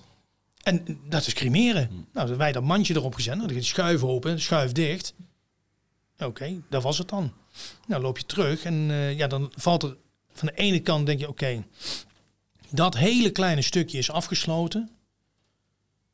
Nu kunnen we beginnen aan de volgende stap. En dus hiervan proberen te herstellen. En ja, kijken hoe we daarmee voor de rest van ons leven om uh, moeten gaan. Dus die twee aspecten, defensie en uh, het verlies van, je, van een dochtertje. Ja, als je die over elkaar heen legt. Wat, wat, wat, is de impact geweest dan inderdaad van uh, dit moment op hoe jij jezelf als uh, leidinggevende binnen Defensie hebt ontwikkeld? En daarna ook als ja, leider voor jezelf tot waar we nu zitten? Ehm, nou, wat ik denk is... Ehm, ja, natuurlijk al bepaalde persoonseigenschappen voordat jij uh, binnen Defensie kwam. Mhm. Die zijn alleen maar versterkt. Dus uh, voor mij was dat onrecht. Um, daar kan ik niet tegen. Onrecht niet. Maar altijd open en eerlijk zijn. Ook als commandant. Uh, maakt een kerel een fok op. Ben jij verantwoordelijk? Dus jij gaat voor je kerel staan. Doen ze het goed, dan doe jij een stap achterwaarts. En zorg je dat die lui kunnen shinen. Hoef jij de credits niet voor te hebben. Als het goed gaat, dan is de credits voor alles wat er omheen eh, gaat als, als teamcommandant. Is niet aan mij. Hebben die boys gedaan. Gaat het fout, dan is dat mijn fout en ga ik voor die boys liggen. En dan vang je de klap op. Zo zie ik in de, in, de, in, de, in de kern leiderschap. En natuurlijk komt veel meer bekijken. Uh, maar ik denk, uh, wat mij gevormde, ja, dat je gewoon je eigen ziel tot op het bot kent. Kijk, er gaat nu geen dag voorbij dat, dat ik nog verrast word. Of dat ik uh, dingen om me heen meemaak dat je overal iets van moet vinden. Hè, mooi voorbeeld is Rusland, Oekraïne. Iedereen vindt er iets van. Hoezo moet je er iets van vinden? Ja, je bent voor of tegen. Oh, er zit veel meer smaken.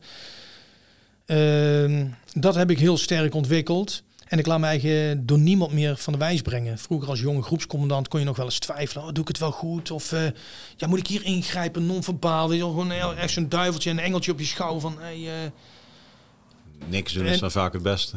Ja. Het, het, het proces en werk laten doen. Ja, en uh, nu heb ik dat totaal niet. En nu ben ik ja, echt mezelf, denk ik. Gewoon, gewoon ook in de kern. Dus what you see is what you get. Ik ben heel authentiek. Ehm, en ik blijf gewoon heel dicht bij mezelf. als ik iets niet weet, ja, dan weet ik het niet. Punt. maar, je, maar, je, wordt iedere dag verrast, zeg je? Nee, niet. Niet, oh, niet meer? Nee, ik eh, word dus eigenlijk nauwelijks nog meer verrast. Omdat ik dan terug ga naar mijn ervaring. Naar de essentie van het leven. Of van, ja, wat is dan geluk, weet je wel? Mm zit, hem, zit hem dat helemaal niet in een, uh, in een iPhone of uh, whatever. Mm -hmm. En, mijn, mijn, mijn, motto met Sexual Leadership is ook van jezelf steeds beter leren kennen is een oneindig pad. Daar is het ook. En dat is wel heel mooi. Ja, Kijk, dus, alleen, dus, dus ja. jezelf steeds beter leren kennen betekent ook dat je nog steeds af en toe, oh, weet je wel, dat is wel, ben ik weer een stukje dieper kunnen komen. Ja, natuurlijk. Bij mijn kern, zeg maar. Ja, maar dat is een doorlopend proces. Mhm. Kijk, daar houdt bij mij ook niet op. Hè. Ik dacht ook uh, toen ik Defensie ging verlaten als veteraan, oh, dat, is klaar, de hoofdstuk is klaar. En ik, ik worstelde daarmee en uh, ja, bleek nou, eh, als je in de spiegel kijkt, het is nooit klaar ook geen veteraan. Of je, de, of je nou zegt, nou, de hoofdstuk is over. Nee, je, bent al, je blijft altijd veteraan. Mhm. En dan is het aan jezelf hoe je ermee omgaat. Ben ik trots op wat ik gedaan heb? Ja. Ja, waarom sluit je het dan af? ik ga dan gewoon er iets mee doen. Met jouw Maar- verhaal. Maar Of, ook als je niet trots bent, is het niet af. nee. Het is gewoon Het- het, het- het is onderdeel van al- jouw boek. Ja, de, En, hè, en dus- hoe belangrijk je een hoofdstuk maakt, dat is aan iedereen zelf natuurlijk. Maar je kunt niet zeggen van het, eh, dit, dit boek is klaar. nee. Ik ga nu in mijn volgende boek beginnen. Nee, dat vorige boek is onderdeel van jouw leven. Ja. En dat is jouw boek En, eigenlijk. en, en zo is het met mijn muziek ook. eh, hè, de- daar ben ik uiteindelijk dan een beetje noodgedwongen. Is dat als, als eh, een challenge is dat begonnen. En nu ook. Ik heb binnen het fansje natuurlijk enorm mooie dingen meegemaakt. Maar ik doe nu een kleine 2,5 jaar, denk drie jaar. Probeer ik een beetje muziek te maken. In die drie jaar heb ik al zulke mooie dingen meegemaakt. Denk ik, hè? Oh, dat, dat kan dus wel. Buiten de fansje is ook gewoon een leven. Mhm. Ja, ik was van type... Ja, ik ben begonnen als dienstplichtig broekie van 18, 19. Heb ik er 22, 22 jaar binnen de brigade op zitten. Voor mij was er geen leven buiten de brigade. Ja, dat was mijn leven. Alleen, ja, dat was... En nu kom je... Oh, je hebt ook gewoon... Je kunt je kinderen zien opgroeien. Die, hè, mijn oudste zoon, die heb ik helemaal niet zien lopen. En nu bij de jongste...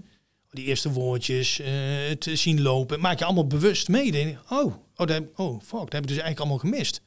En ik, ik kijk nu, ik heb bij mij het 12 jaar geweest, geen 22, is iets korter, maar denk voor, voor het leven is dat denk ik hetzelfde impact. Ehm, ik zeg nu van er zijn dingen gebeurd tijdens die 12 jaar die mij eh, naar buiten geduwd hebben, zodat ik ook andere dingen ging ontdekken. Ja, En dan denk ik, oh, dat is, maar hij heeft bij mij jaren gekost om dat zeg maar, op die manier ook te gaan zien. Eh, een ander zijn pad ligt wel zijn hele leven misschien bij Defensie. ja, Je krijgt niet dat soort signalen. Dus ik geloof ook heel erg dat dingen je toekomen. Ook de, de, de minder leuke dingen, zodat jij uiteindelijk ergens anders terecht gaat komen. Ja, kijk, je bepaalt de eindstreep, eh, bepaal je niet. Kijk, en je krijgt altijd eh, hobbeltjes op je weg. En van de ene is een hobbeltje, de pindakaas of de wifi eh, valt uit. Hè? De pindakaas is op, Nou, dat, kan een hobbeltje zijn. Hè? Een dingetje. Hè? En van de andere kant, eh, van iemand anders is dat eh, een, een verlies van iemand die dierbaar is. Of, dus iedereen krijgt zijn hobbeltjes. Alleen, dan is het aan jezelf. Dan kun je zeggen, ja, ik ben zielig. Ja, dat kan. Dat mag ook. Je mag best een keer zielig zijn. Maar er is geen reden om te zeggen van nou, ik blijf maar zielig in een hoekje zitten.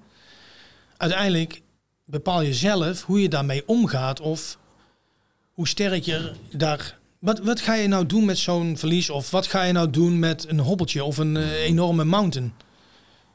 Ja, eh, wil je dat overwinnen? Ja, ik wil altijd winnen. Ja, dan kun je er linksom, je kunt er rechtsom, je kunt getraverseerd omhoog, je kunt een steep eh, line omhoog. Er is geen goed of fout. Niemand rekent jou af op het pad die jij bewandelt of die je beloopt, want het is gewoon zelfinzicht. Dat is maar eentje die, die afrekent, dan ben je zelf. Dat ben je zelf. Ja. En ehm, ja, uiteindelijk bepaal je zelf als individu hoe jij omgaat met hoe jij reageert op bepaalde situaties. Hé, is kut. Eh, prima. Ja, ik, eh, bijvoorbeeld, ik zit niet meer op Facebook. Ik vind het helemaal flauw van die, ja, ik vind dat dan eindeloze discussies, irrelevant. Uh, Welen is vreemd gegaan.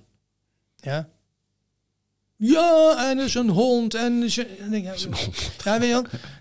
Dan denk ik, jongens, waar maak je je fucking druk over, joh? Wie ben jij om daar iets van Nee, maar te zij mogen dat doen. Eh, Ja, ja, dat dus, is ook. Dus het is aan jou om van Facebook af te gaan. Als Ja, jij, ben ja, dus jij, ben- jij stoort ja. je eraan. Ja, Dus het ligt niet aan hen. Zij mogen alles van de hond van. Welen vinden. Eh, alleen degene die iets vinden dat iemand iets vindt van de hond van Welen. nou niet de hond, maar hij was Nee, maar- vreemd gegaan. nee, Ja, dat ik nee, maar ja, even ja, eh, beter voor. Die, die kan inderdaad zijn hele leven daar druk over blijven maken. Ja, maar ik- hij kan ook zeggen, ik ga van Facebook af en is klaar. Ja, ik ben er van afgegaan, want ik werd er gewoon flauw van. Dan denk ik, ja jongens, daar wil ik mijn tijd niet aan besteden. Joh. Nee, dat is ik, eh. Ja. Dus het is gewoon uiteindelijk, wat doe je er zelf mee? En ja, en iemand anders mag altijd vinden wat hij vindt. Of, daar, of je er nou compleet mee oneens bent, of mee eens, of eh, beide niet, of beide wel. Whatever. Je, je formuleert je eigen mening op basis van je ervaringen, op basis van je kennis, eh levensgebeurtenissen, op basis van eh, wat je leest of wat je kan verwerken aan informatie. Daar maak jij uiteindelijk, eh, hoop, tenminste, dat hoop ik, dat je daar zo'n goed mogelijke beslissing maakt. A, voor jezelf. Want doe je het voor jezelf goed, profiteert daar de omgeving van. Profiteert de omgeving van, gaat daar de maatschappij van profiteren. In, in, in, in de breedste zin van het woord. Dan Ja. heb ik niet over centen, maar om Bijdragen. bij te dragen in de maatschappij. Hè? Wa- wa- waarom leef je? Weet je wel? Ik, ik noem altijd, eh, wat is je intentie? Ja, Als de intentie goed is, dan, wordt dat, dan is dat een drijver voor je waarden. En dan ga je de juiste dingen doen die passen bij jouzelf om, om bij te dragen. Maar een ander kan dat een hele verkeerde intentie vinden. Ja. Dat is prima. ja. Maar als het bij jou vanuit een goede intentie komt, dan, dan zit je altijd goed. Ja, politiek zit vol met goede intenties. Kijk, daar vindt iedereen ook iets van. De ene is fel tegen, de ander niet. De intentie is goed. Ze, ze willen het beste van Nederland. Alleen de vraag is, hoe, hoe doen we dat dan? Hè? De weg, ja, eh, trek het naar jezelf. Ik denk als jij vol overtuiging en ook echt geloof van, ja, nee, ja, er is geen spel. Ik, ik, ik doe dit uit, uit, uit de ziel van mijn hart, doe ik dit gewoon zo. Nou, dan uiteindelijk een, een discussie of... Hoe eh, onbegrijpelijk het ook lijkt soms. ja, en soms is het ook mooi als het botst, zodat je ook tot andere inzichten zelf kan komen van, oh wacht even, maar dat is best wel een blinde vlek eh, bijvoorbeeld geweest. Oh, zo heb ik dat eigenlijk nog nooit bekeken van jouw point of view. En dan misschien jouw hele sterke geformuleerde mening of drive gaat misschien een heel klein stukje naar links of naar rechts. Maar uiteindelijk kom je er toch wel. Alleen, vind ik wel, je moet wel openstaan ook voor eh, anderen. Je kunt je- wel in je eigen bubbeltje zitten, maar dan heb je jezelf wel voor elkaar. Maar je maakt ook deel uit van de maatschappij. Dus je, je- het is ook, je hebt ook connectie. Ja. Maar even dan kijken we naar de afgelopen jaren die we gehad hebben Ja. natuurlijk. Jij bent in corona ben jij muziek gaan spelen. Eh, dat zal een reden hebben. Dus je, je was waarschijnlijk ergens naar op zoek. Eh, nou, we hebben natuurlijk Oekraïne-oorlog. Eh, Ja. nou, ik weet dat je Arno Welles eh ook volgt. Ja, financiële systeem, noem het allemaal maar op. Ja, je kent mijn boek van Bob de Wit. Bob Ja. de Wit, in ieder geval de bekende naam voor je. Ehm, dat betekent dus dat je denk ik ook ziet, wordt intenties gevallen, dat er een collectieve intentie wordt verwacht. En dat kan natuurlijk niet, want we zijn allemaal individuen met Ja. onze eigen intentie. En daarin moet je elkaar vinden om tot, een- tot een bepaald collectief te komen. ja, Ik denk dat je daar dan ook een bepaald beeld van hebt, eh, hoe je daarnaar kijkt nu. ja. Ehm, We zijn geen café Weltsmets of zo. nee, Dus nee, kunt, nee. eh, dat is wel een mooi programma. Ja, nee. Wel een mooi programma. Nee, ik dacht, gooi hem er even in. Die andere is ook mooi, hè? Die, eh, Kijk, want mijn, eh, kijk, wat, wat, ik wil, wat ik wil zeggen is, juist personen die, ook, ook waar we net eigenlijk over hadden van, kijk, als jij dus een, veel militairen voordat ze instappen, hebben niet altijd de, de reden, dat zeggen we allemaal wel, ja nee, ik wil, ik wil militair worden. Ja, nee, maar dat komt ook omdat ze waarschijnlijk niet de achtergrond hadden om naar Harvard te gaan. Ja. ja, voor mij was dat eigenlijk... eh, ik ben natuurlijk eh, opgegroeid uit een, in een groot gezin, arm gezin. Eh, mijn vader had losse handjes. Ehm, en wat ik wilde toen ik bij Defensie kwam... Ik, school heb ik niet afgemaakt. Eén vak wel, was geschiedenis over die airborne. Dus slag om Arnhem. Ik heb heel dat toen op fietsje met zo'n Kodak-cameraatje... en dan maar hopen dat de foto's gelukt waren. Heb toen in kaart gebracht, eh, eindwerkstuk van gemaakt. Dat dat is het enige waar ik voor eh, geslaagd ben. En toen kwam Luchtmobiel. Maar ik had heel erg, ik kan A niet tegen onrecht. Ik vind het altijd open eerlijk. En ik wil dat kids in mijn directe omgeving het beter zouden hebben dan ik zelf. En dat was voor mij de reden om te zeggen, ja, hoe kan ik dat doen? Eh, hoe kan ik dat afdwingen? Want eh, toen stond nog vol testosteron. Hoe kan ik dat dan afdwingen? Ja, dan ga je in de hoogste geweldspiraal, dus defensie. En zo ben ik eigenlijk binnen defensie eh terechtgekomen. Met het geloof, ik, ik wil, het maakt niet uit waar ze mij dan ook heen zetten. Maar voor kids wil ik een verschil kunnen maken. Ja, maar de oorsprong zit dat je vader losse handjes had. Even Nou, als- als en- ik- en gewoon een, en eh, misschien nog wel verder. Hè? Kijk, dus, ja, eh, ge- gewoon een arm gezin. arm Hè? gezin. Dus ik werkte op mijn vijftiende. En het geld wat ik verdiende gaf ik aan mijn moeder. Gewoon voor eten. Eh, om, om mijn broertjes maar eten te geven. Op een gegeven moment ging mijn vader eh, die ging het huis uit. Stond mijn moeder alleen voor. Ik was de oudste van het gezin. Word je gevraagd en ongevraagd. Word je vaderlijk figuur voor jouw jongere broertjes. Of je dat nou wil of niet. Maar dan ben je 15 of 16. Toen deed je dat gewoon. Als je nu terugdenkt. Jezus, wat vraag je eigenlijk van een kind? Of wat is er veel van je gevraagd? Eh, op zo'n leeftijd. Want dan kijk ik naar mijn manneke. Die moet 14 worden. En denk, als daar de wifi uitvalt. Dan, eh, dan heeft hij bij eh, paniek. Ik denk, gast, op jouw leeftijd. Dat is niet eens zo lang geleden. Heb ik het over misschien over 40 jaar geleden. 35 jaar. Was jouw vader, die al werkte, het geld aan de moeder gaf. Aan mijn moeder. Om eten te zorgen voor bijvoorbeeld Dien, die nou thuis op de bank zit. Ja, eh, Maar Denk- wie, wie weet wat, wat er in hem loskomt op het moment dat hij ook in zo'n situatie komt. Ja, dat weet je niet. Dus ik vind het een, een voorrecht dat kids gewoon net zoals hier gewoon lekker huiswerk kunnen maken. In deze omgeving kunnen opgroeien. Want hier op een paar uur vliegen zie- ziet de kinderwereld er heel anders uit. Maar het is voor mij wel een reden geweest. eh, huiselijk geweld, eh, armoede. Ehm, heb ik gezegd van ja, in combinatie van eh, ik wil iets teruggeven. met de, ja, niet met de kennis die je hebt. Want ik had toen helemaal geen kennis. Ja, praktijkkennis van eh, rammen, Mhm. en wat is honger? Ehm, zo eh, ben ik bij Defensie gekomen. Ja, oké, maar dat is dus wel dus precies wat ik ook wel Ja. bedoel. Hè? Kijk, dus, dus eh, eh, er zijn maar. ehm, ik denk dat er weinig militairen zijn. Die zijn er wel. Hè? Ik denk zeker de, de academisch opgeleid die de KMA gaan doen, Mhm. bepaalde functies, noem het allemaal maar op. Eh, over het algemeen zit er een levensverhaal aan waarom mensen voor defensie kiezen. Ja, Vaak is dat een bepaalde overtuiging Ja. om. Hè? Ik voor mijn kinderen beter. Ja. Of ik, eh, ja, ik, ik hou van een omgeving, heel veel discipline is want thuis. Of ja voor mij was op. later pas discipline. Was voor mij, eh, hè, want ik, jeugddelinquentie was voor mij geen vreemde. Weet je wel, bureau Halt Mhm. was voor mij allemaal niet vreemd. Kleine incidentjes, eh, voetbalgeweld was allemaal geen... deed dat deed ik allemaal gewoon aan mee.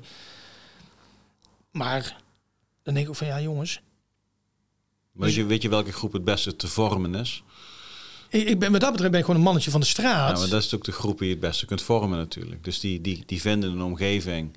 eh, ik, ik, ik, Ik kwam Ik, vaderfiguur. stel mezelf ook als jongen van de straat, zeg maar. Ja, Dus je vindt een omgeving waarin je samen eh, ja, die broederschap situatie gaat creëren. En je krijgt een vaderfiguur, je krijgt discipline, je krijgt eten, Ja. je krijgt iets aangeleerd, je krijgt skills en drills. Denk, hey, kikken. En eh, voor mij was het natuurlijk ook het avontuur, en slash avontuur, uitvlucht uit de thuissituatie. Ja, en, en, en ga je dan eh, ehm, steeds dichter eh, naar je eigen identiteit toe? Of blijf je of nou, toen wordt, het steeds moeilijker om hem te bereiken? Eh, toen was dat denk ik moeilijker om, steeds moeilijker om te bereiken. Want dan eh, ga je een wereld in als jong broekie. En dat besefte ik me later pas, toen je zelf instructeur bent geweest, hoeveel impact je maakt als instructeur op een jonge mannenleven. Hè, die mannetjes waren dezelfde leeftijd als toen ik Defensie opkwam. Nou, toen had je al wat missies achter de rug.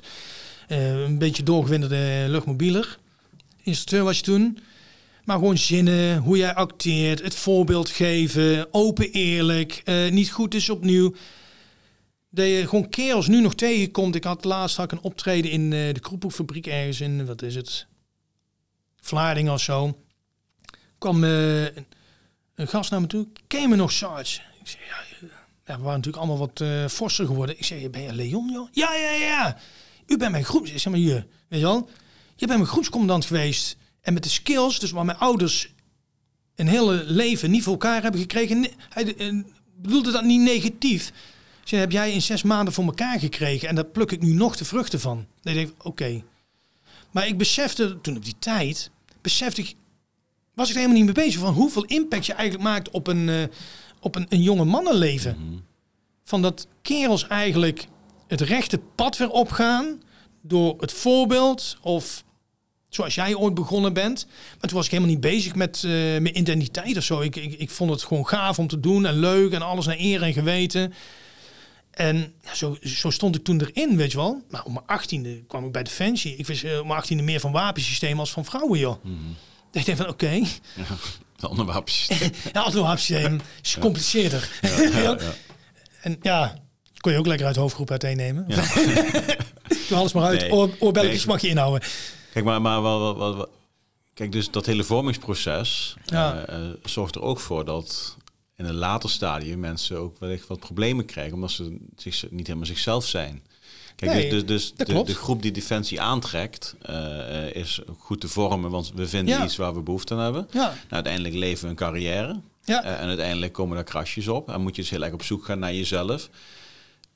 En dat bedoel ik straks ook met Defensie heeft natuurlijk ook... ehm, ja, ik, ik heb een hart van Defensie, dus ik moet, ook niet, moet het goed interpreteren. Mhm. Heeft er baat bij dat mensen makkelijk te vormen zijn. ja En natuurlijk. heeft er geen baat bij dat mensen gaan ontdekken wie ze echt willen zijn. Want dan stoot je ze eigenlijk af van datgene waar je ze Ja, naartoe ze, ze trekt. kunnen goede mensen Dus gaan is- ze het is- verliezen. Het is, ja, ik denk, ik denk dat heel veel mensen eh, eh, op die manier ook binnenkomen namelijk. Kijk, en dus het is een balans denk ik. Het is heel moeilijk voor Defensie om eh, ook de partij te zijn Zodat mensen echt tot een kern kunnen komen en met Ja, een de- open blik naar de wereld kijken. Want dan vinden ze de ook iets van een conflict namelijk. Ja, maar ik denk de, in het algemeen belang van Defensie dat ze daar eigenlijk niet op zitten te wachten. Nee, dat bedoel ik, ja. Hè, die- die zijn juist gebaat bij ja, kanonnenvoer. Dat is Kijk, niet denigerend bedoeld. Nee, maar als ik, als ik dus eh, de vragen ga stellen wie in mijn ogen waardevol zijn voor het leven, ga ik ook dingen bevragen waarvoor ik, aan- waarvoor ik voor betaald word. ja, En dan krijg je dus eigenlijk, eh, ga je misschien wel eh, wij- wijsheden en kennis opwekken, die misschien wel eh, de ja, organisatie ondermijnend kunnen zijn. ja, En dan terug even naar de maatschappij, terug naar waar we het net over hadden. Daar is dat natuurlijk ook gebeurd. ja, Dus steeds meer mensen zijn gaan bevragen. Wat je ook zegt, van, nou, ik stel nu bepaalde vragen aan mezelf. Nee, kijk, het is mijn mening, dus ik hoef niet iemand anders zijn mening. ja, en ik denk dat het ook eh, mede komt door natuurlijk. Er zijn jarenlange bezuinigingen geweest binnen Defensie. Dus dat ook vanuit luid waarvan je zegt, jij dienst uit? Ja, die komen op een gegeven moment punt Jij? tot, Ja. tot zelfinzicht van ja, maar dit is dus niet meer waar ik voor gekozen heb. Ik mis avontuur, ik mis eh, esprit de corps, ik mis eh, de wapenbroeders om me heen, want het is vijf uur, iedereen rijdt de poort uit. Eh, morgen sta ik weer op kantoor, is weer niet goed en eh, het eten is weer eh, slecht of er is geen minuutje. Dat is altijd wel. En op een gegeven moment gaan die kleine negatieve dingen worden zoveel, worden allemaal gestapeld, dat iemand gaat denken, ja, ik ga mijn hel ergens anders zoeken en ga dan ook Defensie verlaten. Hè, dus het is niet alleen. Ik ben mezelf pas gaan leren kennen toen ik Defensie uit ben gegaan. Ja, Omdat ik merkte van, hé, hey, die Patrick met het groene pak, die neemt een hele grote rugzak mee. Waar ja, ik ontzettend dankbaar voor ben. Tot op de dag van vandaag. Dus alles wat we hier doen is ook een restant van mijn Ja. defensiecarrière. Anders had we hier niet gezeten. Was mijn shirtje rood geweest in plaats van groen. dat is ook een mooie kleur. Bedoelrood. Bedoelrood, bedoelrood. Nee, maar eh, ik heb ook echt wel, goh, ja, dit, nee, die dingen, daar moet ik toch echt wel eventjes aan werken. Want anders gaat het dan niet worden voor mezelf. Ja, ik, ik kijk binnen Defensie, als ik gewoon het op mezelf betrek, was ik toen was gewoon, ja, was gewoon, ja, dat durf ik wel te zeggen, was gewoon de Ultimate Warrior gewoon echt goed in wat ik moest doen en deed. Alleen, toen dacht ik van, oh, zo ben ik. Dit is wie ik ben. De Ultimate Warrior. Je bent de rol. Alleen along the way merk ik van, oh, wacht even, ja, maar een heel klein facetje van het ik, van het persoontje Joepie. En doordat jij die heuvels of klappen krijgt, andere keuzes gaat maken of inzichten komt, denk ik, oh, wacht even, dit is jarenlang eigenlijk onbelicht geweest. Een gezin, eh, muziek. eh, Oh, oh, dus ik heb eigenlijk maar een heel klein stukje van de wereld gezien. Ik heb eigenlijk maar een paar boscomplexes gezien. Terwijl ik eigenlijk nog zoveel meer kan ontdekken. Ja. En we zeiden tegen onszelf, we zien de hele wereld. Ja, dat, dat zijn we altijd, hè? Grappig, hè? Ja, maar Ja. dat is wel een postzegel. Ja. Maar Maar- door, door de scheuren die je hebt opgelopen, is je zegt onderbelicht, maar door de scheuren en de krassen is er licht gekomen en Ja. er zijn andere dingen gaan shinen. Ja, maar ik denk sowieso, en dat is denk ik ook, zolang je een hartslag hebt kun je knokken, zeg ik wel eens. En dat blijf ik herhalen, want in de kern is dat ook zo. Je kunt opgeven, maar ook hoe, zwaar het leven ook is, hè? een dochter verliezen of de zon, de volgende, zolang jij leeft, komt de, de volgende dag om zes uur gaat de zon gewoon weer op. Dan kun je nog steeds zielig zijn. Uiteindelijk zul jij jezelf overeind moeten trekken, in de spiegel moeten aankijken en door een heel diep dal moeten gaan, maar wel weer voorwaarts moeten gaan. En ja, dan denk ik van ja jongens, weet je wel? Ja. En de- Eh, nou, die, die vraag. eh, ik heb eh, meerdere songs. De ene is wat beter dan de andere. Ook dat is eh, gewoon een leerproces. En ehm, nu denk ik dat ik zes songs heb waarvan ik zeg, nou die zijn studio ready. Die zijn eh, ook qua tekst en eh, melodie dusdanig dat we die ook op een EP gaan zetten. Dus er zijn vijf songs. Dan eh, Proud to be Soldier. Er zit nu rood, wit en blauw zit er nog in. Daar gaan we een internationale versie van maken. Dus dat die, omdat die, ik krijg heel veel vraag van uit Engeland of uit Nieuw-Zeeland. Ja, het gaat over de Nederlandse vlag. Maar dan krijg je dus een internationale versie. Akoestisch, dus dat die wel een iets andere insteek heeft. En dan heb ik vijf, zes nummers. Ehm, die eh, ja, EP, dus eh, in de studio worden opgenomen. Dus de aankomende EP heeft eigenlijk vijf nummers. Vier nieuwe en één bekende, dat is dan eh, Proud to be a Soldier. En heel misschien, dan moeten we even kijken hoe dat loopt met de, de, de opnamedagen. Hoeveel spanning zit erop? Want het is voor de eerste keer we met de band doen. Loopt het soepel of willen we juist de songs die we er hebben meer aandacht aan besteden? Dus dat we zeggen van ja, Daar hoeven we niet overheen te vliegen. Nee, ja, daar zijn we niet opnieuw. Maar dat kan in de studio. Eh, maar vijf songs die staan. Even kijken hoor. hebben- En de June 44, dat gaat eigenlijk over een eh, Tweede Wereldoorlog veteraan. En dat is eigenlijk... eh, en die gaat dan over een, eh, een oude man die teruggaat naar Normandië. Die op het strand staat. Die breekt dan een beetje af. En eh, ja, die is daar ook met een doel heen gekomen. Gewoon zijn nation heeft toen eh, opgeroepen om te knokken. Voor, voor onze vrijheden. Hè? Want er waren Amerikanen, Britten. En die zijn allemaal gesneuveld eigenlijk voor, voor, ja, voor, jouw vader en, eh, en mij, die generatie. Hè? Dus voor mijn vader of mijn opa. Eh, dus mijn opa zat een beetje in het verzet en dat is een beetje die lichting. En er waren eigenlijk geen liedjes eh, geschreven eigenlijk die eigenlijk een hommage zijn of van... Ja, wie zijn dan eigenlijk mijn helden? Ja, als ik terugkijk van eh Defensie, ja, waar mijn... Er zijn zoveel. Is gewoon Tweede Wereldoorlog veteraan. Daar, daar zo ben ik bij Defensie, bij de Paras van Arnhem. Slag hem aan, dat waren Tweede Wereld. En zo, zo is June eh 44 eigenlijk een beetje ontstaan.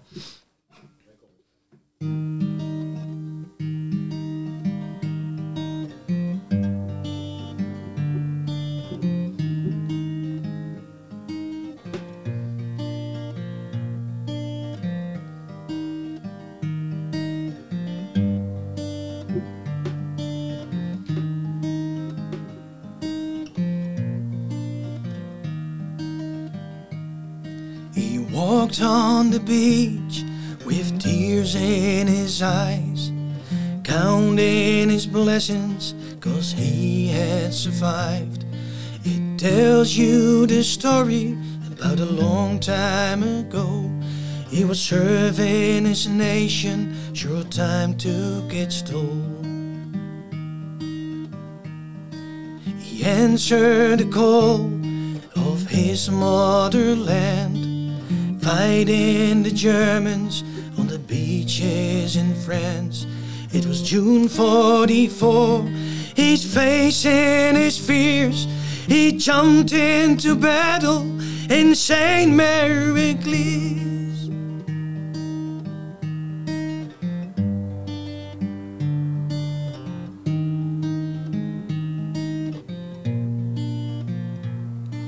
The old man salutes, thoughts reach the sky. Once a young soldier who was willing to die. Memories and pain won't let him go. The truth lies alone in the green fields below. I saw an old man with the age in his eyes stood at the graveside cause the dead they don't lie. The sound of the waves fading away as he died alone buried unknown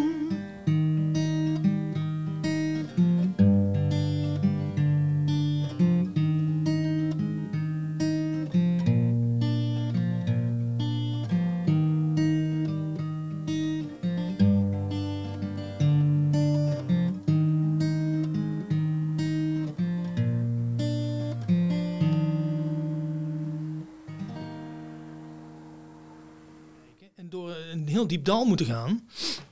Maar wel weer voorwaarts moeten gaan. En ja, dan denk ik van ja jongens. Weet je wel? Ja. En de- ik heb de Vipassana meditatie gedaan. In eh, Maleisië ben ik daar twee keer geweest. Dus, en da- dat gaat dus over, dat is vanuit Boeddha, van ehm, eh, ja, alles komt en gaat. Ja, Alles, hè? ja. Deze tafel is ook al 18 keer veranderd sinds we hier zitten. Alles trilt, Ja, alles. maar we zijn maar heel klein als mens. Dus, dus ehm, en hoe ernstig het ook is wat er in je leven eh, gebeurt. En ik moet zeggen, als, die, als deze joepie hier aan de andere kant van me zet, eh, plotseling mijn hart van het plat gaat hier, dan heb ik Ja. echt wel even een momentje. Ja, natuurlijk.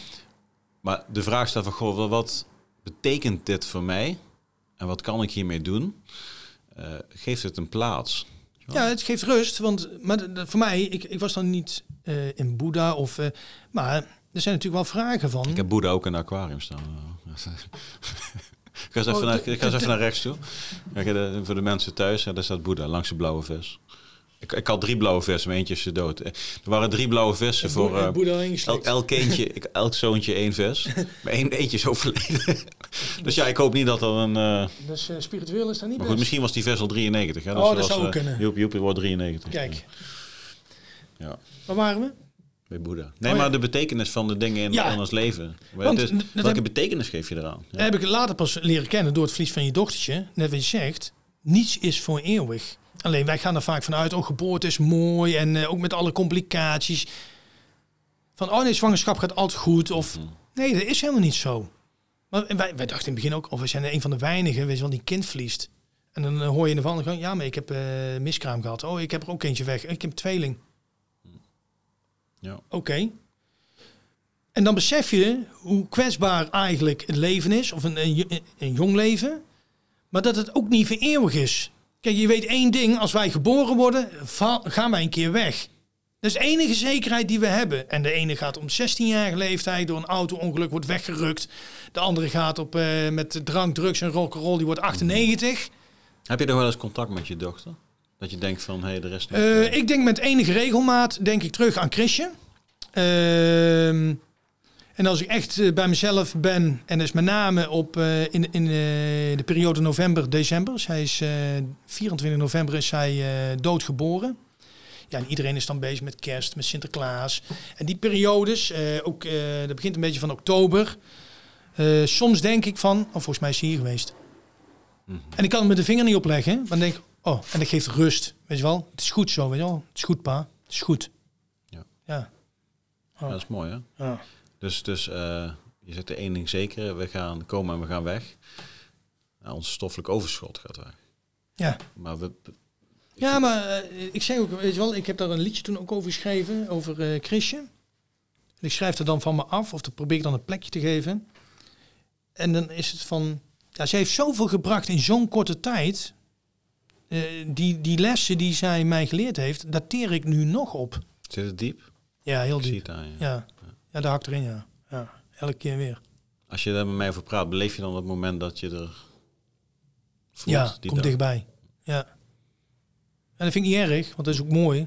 Nee, maar dat, dit is dus precies wat eh, de vragen die we onszelf mogen stellen. Ja. Dit- dit- Dus het besef van alles wat we verliezen, eh, is misschien geen ver- verlies.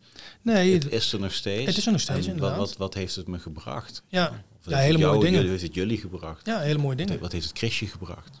Wie Ja. weet, wie weet. Ja, de zijn vragen. Kijk, die, die vraag zal ik nooit kunnen beantwoorden. Dat hoeft voor mij ook niet. Hè? Want ze, ook een heel klinische vraag, dat is ook weer typisch Nederlands. Van, en mogen we obductie doen? Niemand had me daarop voorbereid. Wat is dat? Ja, of je even in een kinderlichaam Oh, kunnen ja, snijden Ja. om te kijken wat is de oorzaak. Ik zeg, wat is de kans dat eh, de oorzaak ja, minder dan 10%? Ik zeg, moet ik jou hier neerstompen? Toen, wist- toen had ik al PT6, maar dat wist ik helemaal niet. Mhm. Dus ik zeg tegen die chirurg, moet ik jou hier eh, tegen dek aan stompen? Ik zeg, vraagt even, eh, mijn dochter heb ik net in mijn handen. En jij, de eerste vraag die je krijgt, als je papieren moet gaan invullen. Ja, mogen we, ja, die vraag moet ik stellen. Ik zeg, ja, dat snap ik. Ja, dan moet ik even anders kunnen we stellen misschien. Ik zeg, nou is natuurlijk mijn reactie. maar ja, ik sta natuurlijk diep in de emotie. En eh, hij zegt, eh, ik zeg, wat is de kans? Ja, wat levert me daar op? Ik zeg, sommige dingen hoef je niet allemaal te weten. Uiteindelijk is nog steeds zelf, hoe ga ik er zelf mee om? Mhm. Ik kan me rust vinden dat ik niet weet wat de doodsoorzaak is van mijn dochter. Alleen wat ik niet kon verkroppen, ook mijn vrouw en mijn ex-vrouw trouwens niet, was dat je dan net na geboorte in een lichaam gaan snijden, gewoon helemaal intact, om maar één vraag te kunnen beantwoorden. Alleen het eindresultaat voor mij en mijn ex-vrouw was nog steeds hetzelfde. En de kans, al zou het 90% eh, kans zijn, ja, dat is natuurlijk gissen nu, maar had ik nog gezegd van nee. Het, is- het is goed zo, het is zoals het is. En ik ga er haar er niet mee terugwinnen. Eh, winnen. het gaat me meer rust geven, weet ik niet. Maar dat is uiteindelijk hoe ik daar zelf mee omga. Waarom zou ik dan in mijn mooie dochter laten snijden om een medische vraag te laten beantwoorden? Ja, dat ging er bij mij niet in. Dus, Nee. dus toen hebben we gezegd, nee, doen we niet. Dus dat laten we gewoon open. En als het open is, kun je er ook zelf kun je daar iets van maken. Van, nou ja, voor mij is het goed zo, weet je wel. En als ik erover heb, ja, dan heb ik er nog vaak heb ik er gewoon moeite mee. Of moeite, heb ik het er moeilijk mee, omdat het dan heel dichtbij komt. Ik denk van ja. En dan besef je gewoon, oké, niets is voor eeuwig. Je hebt je dochter, is het een urn. Die staat bij mijn, bij mijn ex-vrouw. Die vind ik belangrijk. Het kind hoort, bij de, hoort ook bij vader. Maar ja, we zijn gescheiden. Maar dat vind ik. Zij heeft dat kind laten groeien. Zij heeft daarvoor gezorgd eh, met, met haar lichaam. Je staat bij mijn ex-vrouw. En daar vind ik, heb ik vrede mee. Vind, vind ik goed zo, weet je wel. Maar ja, ik, het is gewoon zoals het is. En eh, ja, net weer zegt, fysiek, het lichaampje is er dan niet meer. Alleen, in die zeven dagen, wat zij gebracht heeft, heeft 22 jaar Defensie bij mij, eh, ja, de- die, die verbleken daarbij, joh. Ja. Het is, eh, je leert zoveel, ook over anderen. Hè, van, eh, als je dan een hulpvraag hebt van ja, misschien moet ik even toch hulp hebben. Help me er even doorheen. Ja, nee, ik ben nou druk met boodschappen doen. En weet je, die contrast. Dus je leert niet alleen jezelf kennen, maar ook de, de, de, de, de cirkel er daaromheen. Van oké, dus ik dacht van, daar kan ik altijd, als ik echt in de shit zit, en dit is zo'n moment voor mij, kan ik hulp. Maar die komt dan niet. Dan denk ik, oh wacht even, nou dat heb ik me dan even vergist.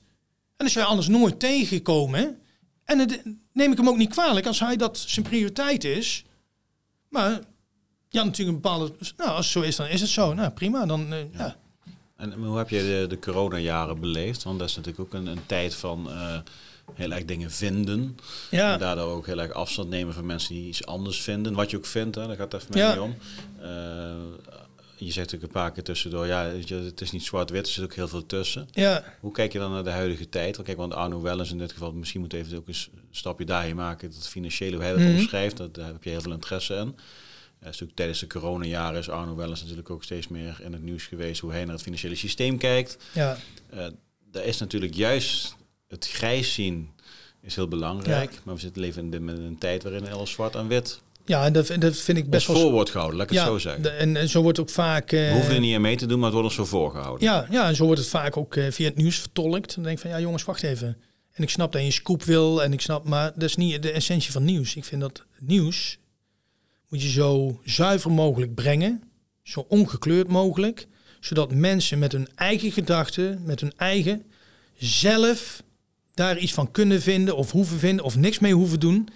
Dat moet nieuws zijn. Alleen nieuw is nieuws, ook politiek, is gewoon een machineapparaat gewoon van marketing en weet ik het allemaal. Van ja, nu komen de verkiezingen, hoor je van spierballen aan. Denk je, jongens, we hebben, we hebben eh, twaalf jaar hebben we nu VVD gehad.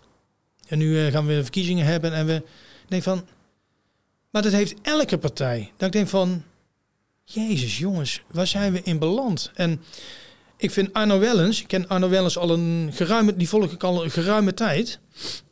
En die kwam ik, eh, ik was namelijk een van de eerste, zat ik nog... Misschien moet je even uitleggen wie, wie Arno Wellens is. Arno Wellens is eh, een journalist die met name het financiële systeem onder de loep neemt. Criminaliteit is hij in gespecialiseerd. Universitair geschoold en heeft heel lang gewerkt voor Follow the Money. En dat is een site die eigenlijk gewoon bedrijven eh, onder de loep neemt. En hij is begonnen in een podcast samen met Sven Hulleman. Café Welsmens. Daar ken ik eigenlijk, zo heb ik, want ik vind Sven Hulleman vond ik ook geweldig hoe die dat. eh, en die is veel, eh, meer filosofisch is die. Eh, maar die, zo zijn die twee eigenlijk begonnen. Daar ken ik Arno Wellens van. Eh, ben ik gaan volgen. Want heel veel dingen die hij zei, denk ik van ja, voor zo'n eh studiepikkie, en dat bedoel ik niet denigerend bedoeld, denk ik van ja, zie je wel, het is allemaal niet zo zwart-wit. En eh, Hij, hij kan zeg maar alles wat eh, moeilijk wordt gemaakt, kan hij, hij kan, praktisch vertalen. ja, en dat kan hij op zo'n manier vertellen dat ook eh, een ieder. En hij geeft daar zelf ook geen mening in. Hè? Want eh, ik, hij heeft meerdere boeken geschreven. Ik heb uiteindelijk heb ik, eh, het Euro-evangelie, hè, eh, Durf te kiezen of zo heet dat nu. Er zijn eigenlijk al die boeken allemaal in één keer gebundeld. Ja, er staan ook hele... Hij is niet per se pro of eh, anti-Europa. Hij zegt, alleen wat we nu doen is doormodderen. Uiteindelijk moet je een keuze maken. Want zoals we nu draaien, daar komt in zijn mening op neer, ja, gaan we het niet eh, redden zo. Alleen dan is de vraag, oké, hoe wil je die keuzes maken? Of welke smaak heb je dan? Nou, dat legt hij allemaal uit. eh, wat En er wie voor maakt de keuzes? en wie maakt de keuzes, voor- en nadelen. Eh, en het gaat met name over het democratisch stelsel. Hè. Dus sommige dingen worden op zo'n hoog niveau door ongekozen lui gemaakt. Dat wij hier in Nederland af en toe geen besef van, ja, maar dat kan niet. Hoezo niet? Ja, dat bepaalt Europa. Weet je wel, en heel veel lui beseffen zich dat niet. Maar hij is dus een, ja, een financieel journalist, mag ik wel zeggen. Die heel genuanceerd eh, eigenlijk uitlegt hoe het met name het financiële systeem eh, nu opereert. En ik vind dat in, en hij gaat van oorlog tot eh, de Balkan. Hij gaat van links naar rechts. Maar al die dingen hebben dus allemaal impact op zoals Europa nu opereert. Of nu ervoor staat zoals het ervoor staat. Dus het- is niet iets van, oh, dat, eh, dat, eh, door een bepaalde politieke keuze is dat zo gewandeld. Nee, dat heeft veel meer eh, oorzaken. En dat vind ik rete interessant, joh. Ja. Nou ja, je- Maar dat is wel eens. Je kunt even een blauw boekje pakken. Ja, kijk, Bob de Wet heeft natuurlijk Society 4.0 geschreven. En eh, dat gaat natuurlijk over de, ja, de, de, de society waarin we weer regionale ja, Ja. s- communities gaan bouwen. Ik laat het boekje even zien. Voor de, is niet, is niet door Joepie, geschreven, maar dit is Democratie 4.0. En dat gaat dus over het opnieuw uitvinden van democratie. Ja, Ja, waar wij Arno dus ook over schrijft. Voor een, een hij noemt dat een lokale eh, burgersamenleving. Dus lokaal moet je de besluiten kunnen nemen waarin je globaal het verschil kunt gaan maken. Dus Ja. van onderuit kijken wat goed is voor de burgers. Burgers zelf de besluiten laten nemen. En van daaruit moet de overheid het uitvoeren. ja. In plaats van nu is het natuurlijk andersom. Nu is het eh, van top-down. Lui die zo ontworteld zijn met de samenleving waarvoor zij beslissingen maken. Kijk, en intenties. Iedereen in Brussel of Straatsburg of whatever is heilig van overtuigd dat ze het beste met ons voor hebben.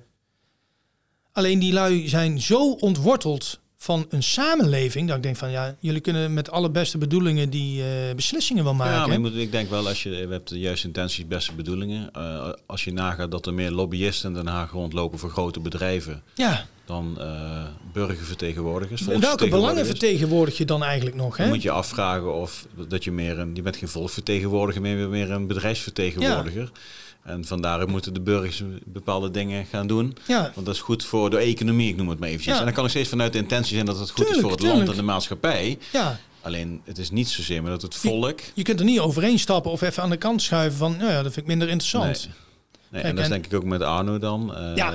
Die zegt ook van ja, we, we zijn eigenlijk een speel. Als individu ben je een speelbal geworden Ja. van. Ja, Het ja ik, ik, systeem. ik, ik, eh, voor de uitzending zijn we, luister je vaak podcasts? Ja, eigenlijk niet, maar ja, die van Arno Wellens, ja, als die ergens oppopt op YouTube, ik kijk alles. Ja. Dus, dus dat is wel, en dat is een vrij jonge gast nog. Denk van, ja, Frisse gas net als ons. Ja, ja. Hij kan ook mooi vertellen, weet je wel. Hij Ja, heeft humor. ja. eh, hij, hij blijft ook bij zijn mening. En denkt van, ja, ik van. Gewoon lui die zichzelf zijn. Eh, ja, hoe ik met corona, want dat was direct de vraag? Of niet, Pet? Nou, je hebt natuurlijk niet de hele tijd van. eh, kijk, eh grijs denken is natuurlijk dat je open staat voor alles wat eh, Ja. iets van kleurverschil heeft. Want zwarte wit zijn geen kleuren. Maar we leven natuurlijk in een tijd waarin je of zwart bent of wit. Ja, Nou, kies je voor het ene onderwerp zwart, dan ben je een andersdenkende. Maar kies je voor een ander onderwerp zwart, dan zit je weer wel goed. Dus Ja. het is altijd, het is eigenlijk nooit goed. We zijn altijd tegenover elkaar aan het staan. ja, ja, dat vond ik wel. in de coronatijd kwam dat heel pijnlijk naar voren, vond ik. Maar ook hoe het dan gecommuniceerd was. Ondanks dat ze de, goede, eh, de beste bedoelingen hadden. Ja, dan ga ik terug naar mezelf. Want die, dat is degene waarvan ik nu weet, nou, die ken ik, dat persoontje. Dat ben ik zelf namelijk. Hoe denk ik daarover? Nou, uiteindelijk ga je zelf een mening formuleren. En die is eh, misschien hartstikke genuanceerd. En voor de ene werkt dat weerstand op. En ik heb toen gezegd van, nou, ik ben niet overtuigd met alles wat ik nu hoor. Hoe dat eh, gecommuniceerd wordt. Ik heb zelf, eh, dan eh, ga je dingen inlezen. En toen heb ik gezegd, ja, maar oké. En het ging met name hè, toen in die, ja, vaccineren of niet vaccineren. Dan denk ik, ja, goed verhaal. En toen heb ik gezegd, nee, ik ga niet vaccineren. Nou, dat werkt dan weerstand op. En dat betekent ook dat je gelijk in een hoekje wordt gedrukt van... ja, maar. Oh, jij bent. Nee, ik ben niet voor. Ik ben niet tegen. Alleen mijn eigen keuze, en volgens mij heb ik dat recht hier in Nederland... is dat ik daar niet voor kies. Als ik kijk hè, eh, wie er ziek kan zijn... of wie er eigenlijk eh sneuvelt, dat we mortaliteit... eh, dan denk ik van, ja, nee. En als je dan zegt van ja, maar Defensie, dat is toen ook een discussie geweest. Ja, we vaccineren verplicht maken. Hè, eh, anders mag je niet op missie. Dan vind ik een iets ander verhaal, omdat je daar eh, een ander doel ook dient. Hè? Dus want daar pak je ook, eh, wij moesten toen voor Afghanistan kregen we ook een Duitse vaccinatie. Ja, we zitten erin. Ja, wil je mee op missie of niet? Ja, spuit er maar in. Deden we daar ook niet moeilijk over. Maar, maar zou, zou je de joepie van nu daar ook dan denken van doe maar, spuit er maar in? Nee, ik denk heel anders over. Ja, dat bedoel ik. Ja. Dus, dus het is ook de naïviteit misschien van de personen die zeggen spuit het er maar in. Ja, en eh, bedoel, toen- dat is geen goede fout natuurlijk. Nee. Maar het is natuurlijk ook wel een beetje de, de fase waar je met je kop zit. Dat je Ja, denkt van nou, even een vraag stellen dat ik het laat doen. Of, Ja. of ik vind het stoer om te zeggen Ja. doe het maar. Ja. Ja, ja de, eh, en nu denk ik daar, ja, dat, is iets, dat zijn eh, gebieden waar ik heel anders over denk. En dat de, de, de, de bedoel ik niet negatief, bedoel ik ook niet positief. Maar ik denk, ik ga dan naar de kern, eh, naar, naar mezelf. Wat, wat vind ik daar zelf van? Maar heeft dat eh, de laatste jaren dat ook aangewakkerd, die manier van denken? Heeft er waarschijnlijk altijd wel Eh, ingezeten, maar is, het versneld? Ja, door, eh, door corona, eh, nou, door de, de weg die je behobbeld hebt. doordat ik ook de burgermaatschappij ben ingestroomd. Eh, ik krijg nu rust. Eh, ik heb mijn rust in ieder geval gevonden in muziek. Eh, ik lees veel. Eh, dus er zijn dingetjes waar ik dan tijd voor vrij heb. Dus ja, je, je moet je carrière opgeven door dat je niet meer ja, gewoon inzetbaar bent. Maar het, levert ook wel andere, het opent ook wel andere deuren. En een van die andere deuren is lezen. En ik lees dan veel biografieën, vind ik fantastisch om te lezen. Gewoon eh, het men- menselijk leed of menselijk, eh, hoe gaan mensen, hoe denken mensen dan, weet je wel? Dat vind ik, eh, ja, Arne Wellens is er één van, hè, met de economie en eh financiële systeem vind ik interessant. Eh, investeren vind ik interessant. En zo, heb ik mijn onderwerp filosofie. Hè, eh, van eh, Marcus Aurelius, eh, eh, die, die lui, eh, van de Stoïcijnen, vind ik, eh, denk ja, eh, Alexander de Grote. Nou, dat zijn boeken die lees ik gewoon in één keer uit. Dan ben ik zo geïntegreerd door en denk, en dan, ook dan merk je gewoon dat je, waar je eerst een hele sterke mening had dat is gelul. Dat die veel genuanceerder ligt en dat je denkt van, Wat schrijft hij eigenlijk? Dat van wat, bedoelt hij nou eigenlijk hier te zeggen van, als ik dat nou eens in de praktijk op mezelf eh, en eigenlijk zijn het gewoon handvatten. hè. Het zijn levenslessen van andere lui. Die, eh, een merendeel die ik dan lees. Leven in Churchill is ook zo'n eh, boegbeeld. Mm. Ik denk van ja, heel veel. Maar ook hè, ze quotes. Hè, If you go through hell, keep going. Dan denk je, de essentie is... Daar is het wel. Hoe, hoe, zwaar je het ook hebt, hoe kut het ook is. En, ja, en zo zijn er legio voorbeelden. En denk, ja, zo zwart-wit is het helemaal niet. Zoals ik dat vroeger dacht, ben ik veel genuanceerder. Of, eh, en wat ik heel sterk nu heb is... Vroeger moest, had ik al overal een mening over. Dat heb ik totaal niet meer. Heb ik totaal niet meer. Ik heb eh, hele andere inzichten, ook naar mezelf toe. En dan zeg je, ja... eh, ja, oké, en, en dan misschien heb je een hele sterke mening, maar dat, dat kan nog steeds. Maar moet je hem dan ventileren? Mensen kunnen ernaar vragen. Dat vind ik iets En dan, anders en dan eh, kun je hem geven. Kun je nog steeds besluiten of je hem wel of niet deelt. Ja. Maar je hoeft inderdaad niet... eh, dus overal op reageren doe ik, nergens, eh, doe ik niet. Ook al hoe, hoe prikkelbaar ik dan ook ben, reageer ik gewoon niet op. Dan denk ik van, ja, wat, eh, waarom? Ja, dan, dan, heb, dan heb ik nog steeds een... eh, ja, Maar corona was dan wel een goede leerschool, want ja, het is heel in de verleidelijk om... eh, beginfase wil je, wil je waarschijnlijk overal op reageren. Ja. Naarmate de tijd voordat ja, ik heb mijn eigen pad, mijn eigen leven, mijn Ja. eigen keuzes. Dus ik, ik, het maakt ook niet zo heel veel uit wat anderen doen. Ja. En het maakt me ook niks met wat anderen van mij vinden. Dat is natuurlijk ook een vormingsproces. Ja, een paar ja. jaar gebeurd is. ja, ja, Gratis, hè? ja, voor niks hè. Gratis en voor niks. Financierde Het is eigenlijk, eh, ja, ik ben ook gewoon een dankbaar mens, weet je wel. Ja, ja, ja. Ook eh, met eh, alle shit die... ik weet waar ik vandaan kom, weet je wel. Ben ik gewoon heel, ben ik gewoon heel dankbaar. ja. En ja, altijd ook iets teruggeven aan de maatschappij. En dan, ja, Zo, Al is maar één zin die jij ooit zegt. Of dat iemand zegt van, oh, ik spring niet voor de trein. Of, hey, weet je nog die zin? En dan weet ik het totaal niet meer. En dan word je daaraan herinnerd. Heb ik dat ooit gezegd? Ja. En toen heb ik besloten dat ik het beter ging doen. En het gaat goed met me. Weet je wel? Dan denk ik, oh. Ja. Ja, en dat vind ik dan mooi. Een mooier compliment kun je dan niet krijgen, weet je wel? Nee. Nee. Maar blijf gewoon jezelf. Ja, mooi. Ja, Joep, ja. heb jij nog een vraag voor Joepie? Denk er eens even over na. Mag ik een vraag stellen, oké? Oeh, Ik krijg vijf minuten voor. Ja, pang. gaat lukken? Ja, joh. Gaat lukken, goed. Mag alles vragen, hè? je krijgt ook overal antwoord op. Ja, ja. Moet niet vragen of die kan darten. Nee. Hey, muziek. eh Ja. Het laatste onderwerp dat ik nog graag met je wil bespreken. Ehm, wat, wat, wat, wat doe je nou precies allemaal met de muziek? Ben je nou professioneel muzikant? Of is het nog echt in de ontwikkelfase? Je hebt natuurlijk een aantal fantastische nummers. Ik ga de linkjes natuurlijk allemaal in de podcastbeschrijving zetten. Meest je hebt eigenlijk het veteranenvolkslied zo'n beetje geschreven. Ja, ja, dat is ook Dat weer een eh, verhaal eh, apart. Ja, het begon mij in de coronatijd. Eh mijn sportschool had ik net verkocht. Ik kwam er na vier jaar achter ja, dat het ook niet was waar ik nou op zoek was. Maar het gaf natuurlijk veel afleiding. Eh, in die periode zat ik midden in mijn herstelproces.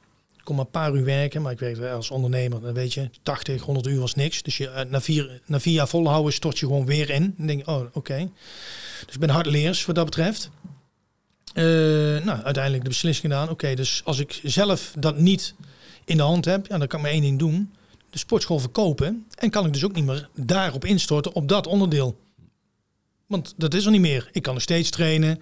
Ik kan nog steeds de sportschool bezoeken. Alleen, ik heb alle romslomp die je brengt weer aan de afgrond, heb je niet meer. Dus dan heb ik gewoon gezegd, nou prima, die verkoop ik, die heb ik verkocht. En toen kwam net corona. En ik had eh laatste jaar eh, deed ik iets van business coaching bij eh, Bas Willemsen. Want dat is dan wel, ik val best wel veel terug op skills en drills vanuit Defensie. Gewoon, ik vind dat je altijd aan jezelf moet werken. Eh, je gaat altijd of iets van een studie doen, of je gaat een boek lezen, of iets, zodat je altijd op zoek gaat naar iets nieuws. Of weerstand opzoekt van, hé, hey, dat wist ik helemaal niet, joh. Want door weerstand opzoeken groeien. En door groei leer je jezelf weer beter kennen of anderen. Dus zo kwam ik bij dat business traject uit van, ik denk, ik heb er helemaal geen kaas van gegeten. Ja, maar hoe, dan, eh, ondernemen, hoe werkt een eh, business marketing technisch dan? Huh? Nou, in de kern, als je gewoon gezond boerenverstand hebt, kun je- doe het echt helemaal, doe, je- doe je het gewoon fantastisch. Ja. Alleen dan wordt het allemaal wat gelikter en eh, ja, niet zo, oh. En dan, ja, dan ontploft. Maar toen kwam, eh, en eh, ja, dat, dat hield na een jaar op. En die zegt, ja, maar Joepie, jij moet echt iets gaan doen, anders word je knettergek thuis, joh. Ik zeg, ja, daar heb je wel een puntje, hoor, Bas. Hij zegt, ik eh, ga jou uitdagen. Oeh, dan ben ik al gelijk geprikkeld. Hè? Dan komt alfamannetje Oké, toch weer om de hoek, weet je wel. Eh what about, wij gaan samen gitaar leren spelen. Hè? Zei ik, hè? Zo'n ding met, eh, ja, Snaren. met snaren. Is goed, ja. Challenge accepted. Dus ik kocht gelijk een Gibson. Een van de duurste gitaren die er was. Hij eentje bij Bax met nylon strings. Hij was na drie maanden... eh, ja, deed hij het niet meer. Hè. Dat werd van... eh, eh, ja, en uiteindelijk niks. En ik eh, ben dat gaan doen. En toen kwam ik eigenlijk achter van dat ik daar rustig van werd. Dus ik miste het sporten in de sportschool. Omdat ik geen enting had gehaald, mocht ik niet naar binnen. Nou, ik ben niet zo van het hardlopen, maar van ijzers verplaatsen. Nou, dat ging dus niet. Dus ik, ja, je merkt er dan, dan ga je meer drank. En uiteindelijk kom je weer in die spiraal, daar waar mijn gevaar zit. Van, oh, dan, ik ga weer naar de afgrond, dat is niet best. Merk van, hé, hey, met muziek, daar word ik rustig van. Toen ben ik meer muziek gaan luisteren, meer gaan lezen. Nou, door te oefenen, op een gegeven moment, ja, dat was echt frust- frustrerend proces. Want ja, gitaarspelen is gewoon ruk. is gewoon echt... Vingers in de oren, eh, Joep? Een kut instrument om eh, te leren spelen. Zeker op eh oudere leeftijd. Toch volgehouden zijn mijn vrouwtje. Misschien gewoon een keer een muziekles pakken. Joh. En als je het dan leuk vindt, is dichtbij. Kom je ook buiten de deur of uit, buiten de poort. Ik denk, ja, dat vind ik een goeie. Eh, gedaan. En ik vond het leuk, joh. Ik denk, nou, dat ga ik doen. Dus en daar heb ik één keer in de twee weken, één keer in drie weken heb ik dan een half uurtje muziekles. En, eh, en ik werd er rustig van. En uiteindelijk eh, ben ik begonnen met, ja, wat een van de meeste impact was, het verlies van mijn dochtertje, weet je. Als ik dan nou eens een, en ik was zo bezig en ik snap, ik had geen theoretische kennis, een beetje aan het pielen, de akkoord klinkt niet, ja, hoe dan? Eh theoretisch, die, die passen niet bij elkaar. Oh, oké. Nou, ik had een verhaal. Heb muziek aangekoppeld en zo ben ik eigenlijk... Heb dat een keer gespeeld. En eh, heb dat eh, gespeeld. En de eerste song die ik speelde, iemand, eh, in tranen helemaal af. Helemaal... wat, wat, wat is, is niet goed. Nee, ik zeg, ik weet niet hoe het doet. Je, je bent geen beroepsmuzikant. Je bent niet de beste gitarist. Je bent niet de beste welen of de beste zanger. Maar die combi, hij zegt, dat hakt er zo in. Ja, en ik had het besef helemaal niet van, oké, weet je wel, eh, misschien moet ik daar iets mee gaan doen dan, weet je wel, met, eh, met jouw verhalen en muziek. En toen eh, belde eigenlijk JP van Oostrum. Die belde namens de krijgsmacht adjudant van, ja, we zoeken eigenlijk voor de NOOC. eh, zou je een liedje willen schrijven? Ik zei, ben je fucking jukebox, ja. Dus toen zei ik dat ook gewoon tegen JP. Toen moest hij lachen. Ik zei, ik zei, maar wat ik kan doen is mijn best. Meer kan ik niet doen. En toen, eh, ik zei, we moeten overgaan. Ja, ken je Toby Keith, eh, American Soldiers? Ja, dat is wel erg eh die hard American.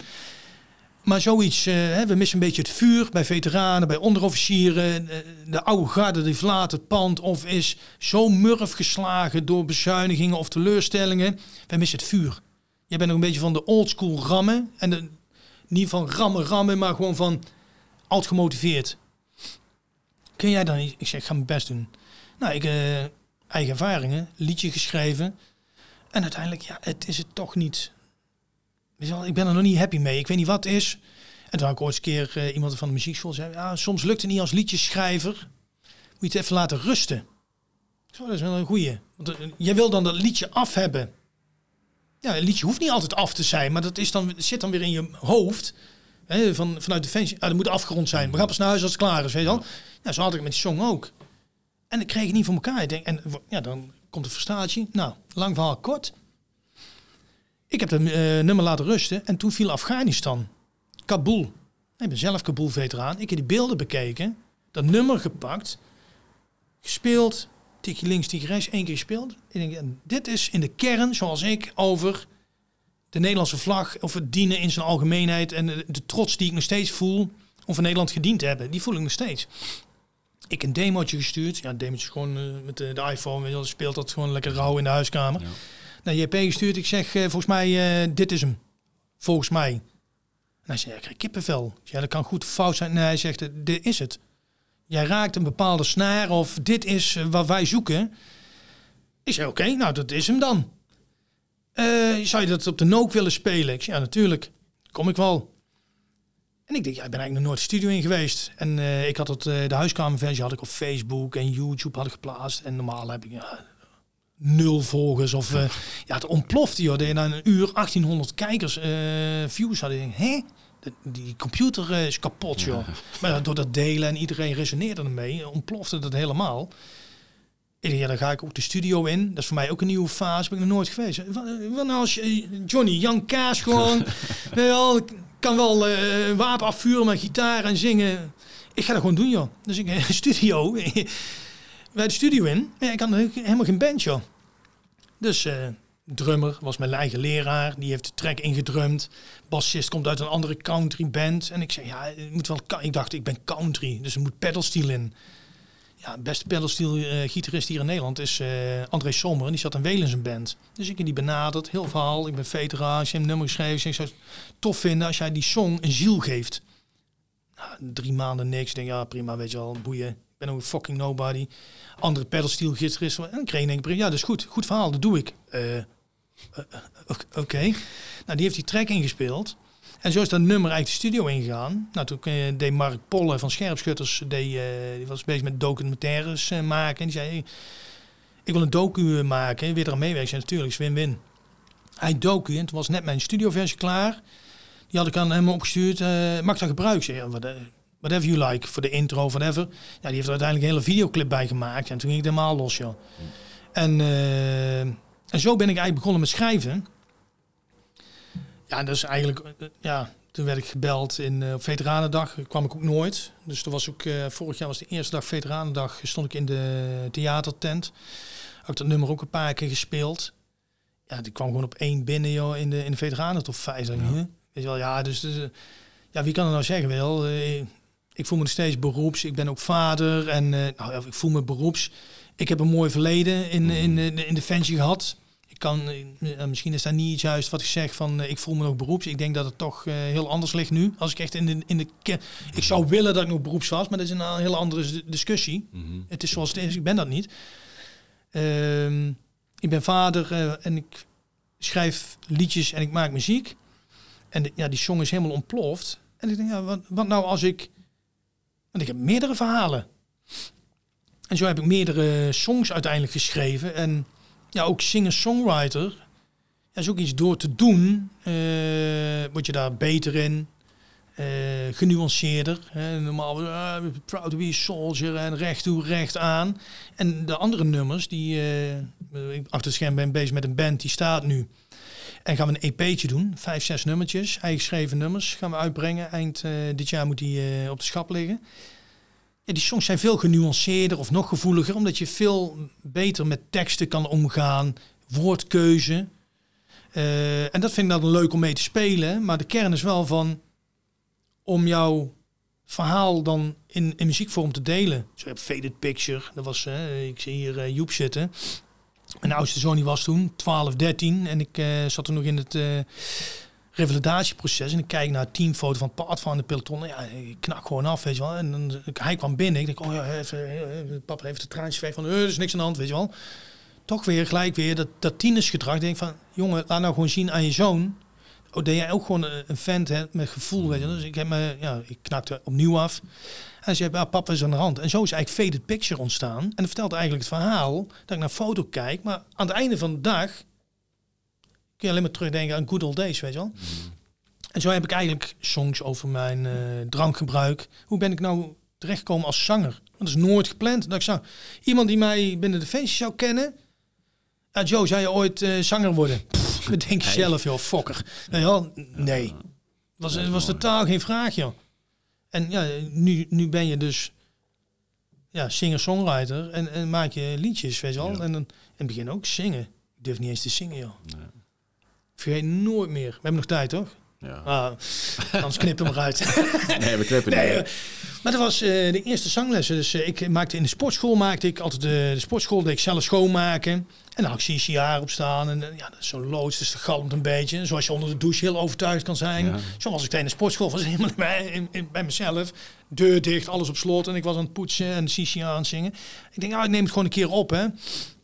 Dus ik heb van de gein. Dus ik had een snee in mijn neus. Dus kutje muf. Ik, ja, dan durf ik wel te draaien. Ik, eh, op een boos systeem. CCR, die cover ingezongen. Op de sportschool. En zei mijn vrouwtje, wie zingt het joh? Goeie stem joh. Zeg, eh, ja, dat is CCR. Ja, ja, maar wie zingt dat? Dat is toch niet John Fogerty? Ik zeg, nee, dat klopt. Dat ben ik. En mijn vrouw best mo- mooie ogen. Nou, die werden groot. Ik zei, ja, tuurlijk. Maar denk je, ik zei, dan ben ik serieus. En ik werd er gewoon eh, verlegen van, weet je wel. Ja, ja. Eh, durf ik een keer iets, weet je wel? Nou, uiteindelijk, eh, ik zei, nou, een week goed gemaakt. Als je niet gelooft, doe ik morgen nog een keer. Dat doe ik echt mijn best. Met, met mijn best en met beeld. Dus ik gewoon op die iPhone gewoon een karaoke versie ingezongen. Hij zei, verrek joh. Nee, ik geloof het echt niet. Ik zei, nou dan gaan we naar mijn moeder. Hè? Een moeder herkent haar eigen zoon. Nou, dan zou je denken, mam, wie zingt dit? Ja jongen, daar hebben wij vroeger plaat van gehad. Ik zei, nee, wie zingt dit? Ja, dat moet je mij niet vragen, Joep. Dat weet ik echt niet. Ik zei, dat ben ik. Dat meen je niet. Ik zei, ja, oké. Nou, mijn zoontjes die hadden het natuurlijk een paar keer gehoord. Want ik, durfde, ik durf nou vaak nog niet thuis te zingen als mijn vrouw thuis is. Durf ik gewoon Ik niet. geloof het nog steeds niet. Ja, ik durf er niet. Op de een of andere manier heb ik daar gewoon de ballen niet voor. Terwijl als ik op een, te- tegenwoordig op een podium eh, ga staan, dan denk ik, ja, dan heb ik wel een, een gezonde spanning. Dus dat je s- scherp bent. Maar dan ga je gewoon je dingetje doen. Maar in het begin, dus ik had een nieuwe gitaar weer gekocht. Ook dat is een hele reis geweest. Dus eh kwam Ron, de, de baas van de, eh, van de muziekschool. Ik zei, Ron, eh, een bakje. Ja, ja, kikken. Maar dat is een gitarist. Ja, dus een gitaar, dan, eh, dan, wordt hij nat van. Dus jij kan toch zingen? Ik zei, nee, nee, nee, ik zing nooit. Die twee uh, hapsnurks van mij. Ja, pap, jij kan wel zingen. Ik zeg, shut up, teringleiers. Ja, zing eens. Hij zingt normaal zes jaar, eh, Ron, zei die oudste. Zeg, Teringleiers, weet je wel. Ja. Van je familie moet je het hebben. Oh, zing eens. Zeg, ja, ja, pap, doe maar. Ik denk, ja, ik laat me godverdomme er niet kennen in mijn eigen huiskamer. Dus toen heb ik gewoon uh, CCA gezongen, Dood of de Gladiolen, zeg Ron. Ik ga koppelen aan Irma. Ik zei, oh, gast, ik ben getrouwd, hè. Ik heb het allemaal voor... Nee, nee, nee, een vocal coach, hè. Ik zei, wat de fuck is dat dan, joh? Een zanglerares. Oh, eh, eh, oké. Ik zei, wat moet ik daarmee dan? Dan ga ik jou aan koppelen. Ik wil in ieder geval dat ze jouw stem een keer gehoord hebben. Wil je dat doen? Ik zeg, is goed. Maar bij ons de Mats, dat is een muziekschool. Die, is eigenlijk een bar, dansschool. En eh, ja, ik vind net afwerkhokken, sorry dat ik dat zeg. Maar er zijn allemaal van die kleine hokjes. Er zijn dan ja, muziek eh, dingetjes. Ik, ja, ik vind net afwerkhokken, joh. Dus kom je binnen. Ja, ik, ik durfde dus niks. Ik zei, doe maar eh, drie gin tonics. Dus, eh, waar komen je vrienden? Ik zei, nou, ik ben met mezelf en mijn vrienden. Dus gelijk drie gin tonics. mezelf aan aaien. Ja. Ik eh drie gin tonics. En ik, ik had zeven uur of zo had ik de eerste introles. Hè, van, eh, nou, dan hebben ze mijn stem gehoord. Ik was er om vier uur al. Nou, voordat het zeven uur was, ik denk dat wel twaalf gin tonics achter mijn kiezen had. Ik was een kutje muf. Nou, dan kwam Irma zo'n eh, hyper enthousiast. Nou, dan moet jij joepie zijn. Wat gaan we doen? "Eh, we gaan helemaal niks meer doen. Wat gaan we zingen? Zei, nou, ik ga godverdomme helemaal niks meer zingen, joh. Ik zeg, ik ben kutje muf, joh. Nou, mee die, die afwerkkamer in. Ik een beetje mijn verhaal gedaan van ja, eh, eigenlijk vind ik het best wel triest. Jij neemt de tijd voor mij. eh, ik ben hier weer kutje me van de bar. En waarom? Omdat ik niet durf. Ik zeg, er is niks nadeel van jou. Ik zeg, dat is mijn fout. Ik zeg, ehm, als jij het allowt, eh, kom ik volgende week terug. Ben ik nuchter, drink één gin tonic. Ik zeg, dit is een liedje wat ik graag wil zingen. Ik zeg, doe ik dood of de gladiolen. Ik zeg, daarna kun je me affikken tot ik een ons weeg. Zo gezegd, zo gedaan. Dus ik de volgende eh, die week erop terug. Eén gin tonic, muziek aan. Ik zeg, zet me hard. Ik zeg, je moet dat voelen. Heb ik een nummer van Vince Gill gezongen. En ze begint aan het einde van die rit begint ze te lachen. Ik zeg, Irma, ik zeg, weet je hoe fucking kwetsbaar ik ben? Ik zeg, stamp je door heel de muziekschool. Zij ze, nee, nee, nee. Jij hebt gewoon iets in jouw stem. En je bent een van de weinigen. Jij kan gewoon goed zingen. Het enige wat we jou aangeleren is gewoon handvatten. Je kunt A of hier kun je B, dit kun je met je stem. Ja, dat wist ik helemaal niet. En zo is het gegroeid, joh. Ja, en nu doe ik dat dan combineren. En nu eh, ja, zit uh, zover, zijn we drie jaar verder. Ja. Even Paradiso gehad, nummer één hit. En nu gaan we, hebben we een eigen band. En er zit een zangeresje bij. Die heb ik ook weer leren kennen op Acoustic Night. Dan kun je een beetje je songs, eh is op de muziekschool, gewoon een kleine setting. Ja, dan speel ik een, een song. En, en zij kwam na mij. En ik dacht, jezus van de strot, weet je wel. Met zo'n stem word je echt geraakt. Denk ik, jezus. Maar ik heb een best wel rauwe strot. En ik zing gewoon vanuit hart. Of dat nou eh, helemaal eh, muziektechnisch of conservatoriumtechnisch allemaal uh, zit in ruk. Ja, daar had ik in het begin wel moeite mee, want ik speel alles op gevoel. Ook strummen, kan niet eens te tel houden. Tokkelen nu wel, hè, dus fingerstaal. Ligt me ook lekker. Strummen kan ik nog steeds niet. En ik speel aan, ja, en een, leraar die is gewoon heel. Ja, is te vroeg. Ja, wat is te vroeg? Ja, je bent de maat te vroeg. Ja, hier uh, een up uh, mis je nog. Huh? Ja, Ja, voor mijn gevoel uh, niet, weet je wel. Mm. Ja, te laat. Tel je überhaupt wel? Ja, ik probeer te tellen, maar ik speel alles op gevoel, vriend. Ik, ik zing vanuit hart, maar dat doe ik nog steeds. Alleen nu kan ik een beetje tellen en dat is wel handig als je dat kan. Want dan kunnen lui die jou ondersteunen, kunnen, kunnen mee, weet je wel. Anders uh, gaat hij nou weer linksaf. Oh, ja. oh, oh, wel eens C. Weet je wel. Maar dat, die meid kwam na mij. Ik denk, jezus, joh, wat een strot, joh. En toen heb ik gewoon gezegd, hé hey, uh, Sophie, ik zeg, ik heb EP gaan we uitbrengen. Ik zeg, uh, ik heb een nieuw nummer geschreven. En het gaat eigenlijk in de kern over een fan die thuis komt, maar eigenlijk toch niet thuis is. Dus ik had die song geschreven, had ik nog niet eens een chorus, een couplet had ik niet eens. Dus ik had Frank van Veteranenradio had ik een demo gestuurd, omdat hij altijd in de entertainmentbranche heeft gezeten. Dus had ik, kon ik feedback daarvan krijgen. Ik had Ron, de baas van de muziekschool, had ik een demo gestuurd. En uh, Ray Klaas, is, die hier ook geweest is. Omdat Ray, ja, dat mag ik wel zeggen, niet dat we bij elkaar de deur plat, maar is een maat van mij. Mm -hmm. uh, en, maar die houdt ook van een beetje van de, de stijlmuziek. Die houdt echt country, uh, to the bone, recht. Dus ik, ik zei, Ray, wat vinden we? Hij zei, godverdomme joh. Ja, ik, ik wil wel iets met die song gaan doen. Ik, ik, ja, het is jouw werk, maar ik wil wel iets met die song doen. Maar op de een of andere manier ben ik dan toch nog steeds zo onzeker. Uh, want mijn vrouw zei altijd, dat moet ik echt mijn vrouwtje nageven.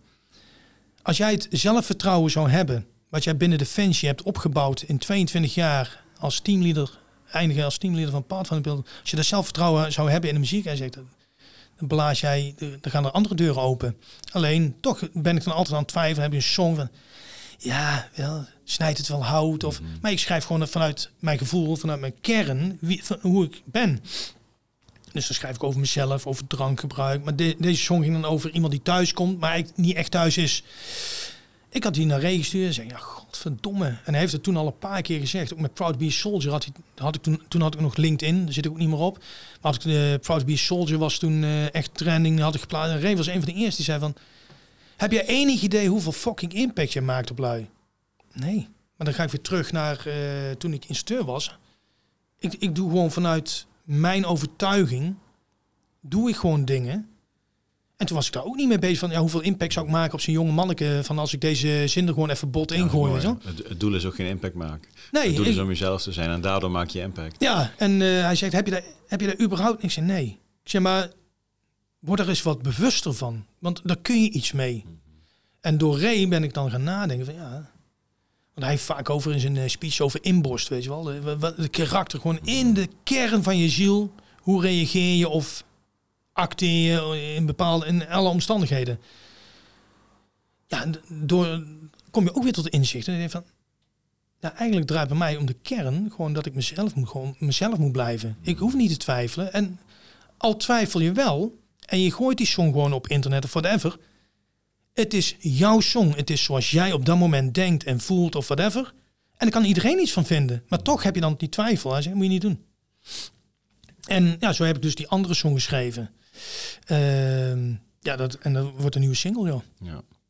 Dus zo ben ik eigenlijk in de muziek uh, terechtgekomen. En of dat nou professioneel is, ja, zo wil ik het niet noemen. Maar uh, ik schrijf uh, gewoon vanuit het hart en vanuit de overtuiging. En ik blijf gewoon heel dicht bij mezelf. Dat is mijn referentiekader. De beste professionals zijn ook dicht bij zichzelf. Hè? Dat vind ik het mooiste van artiesten, joh. Uh, zeker waar ik mee resoneer. Merle Haggard of zo. Of Waylon Jennings. Willem Bijkerk, Waylon. Ehm, al die lui hebben allemaal kennen allemaal de klappen van de zweep. Allemaal duistere bladzijdes. En die maken daar muziek van.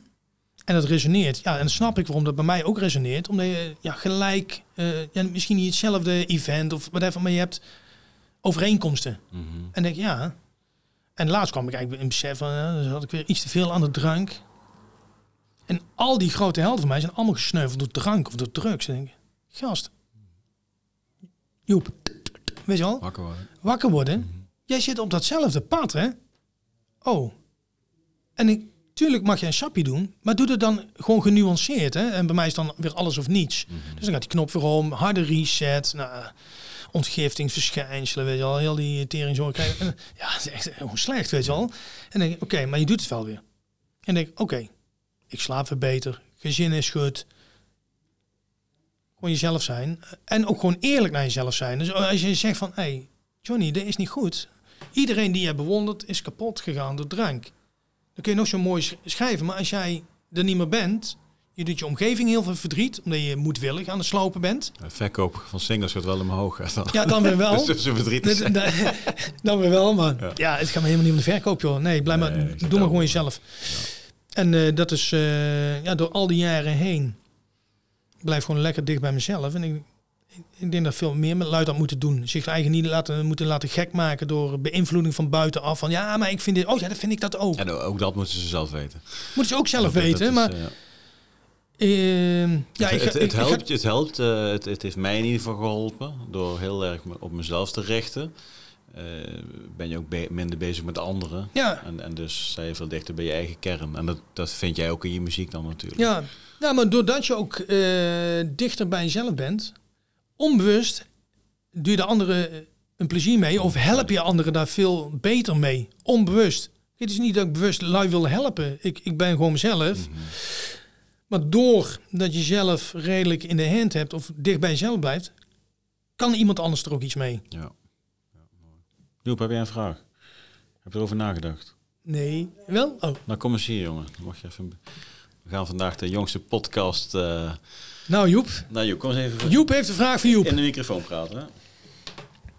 Nou, wat is nou de nou, eigenlijk ergste situatie die je in terecht bent gekomen in een ja, uitzending of anders? Ja, dat is altijd een lastige vraag natuurlijk.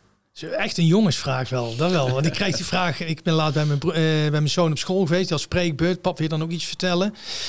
Uh, ik kan er niet één uitpakken uh, die de meeste impact heeft gemaakt. Voor mij zijn het meerdere events geweest die uiteindelijk mij gevormd hebben tot de kerel die ik nu ben.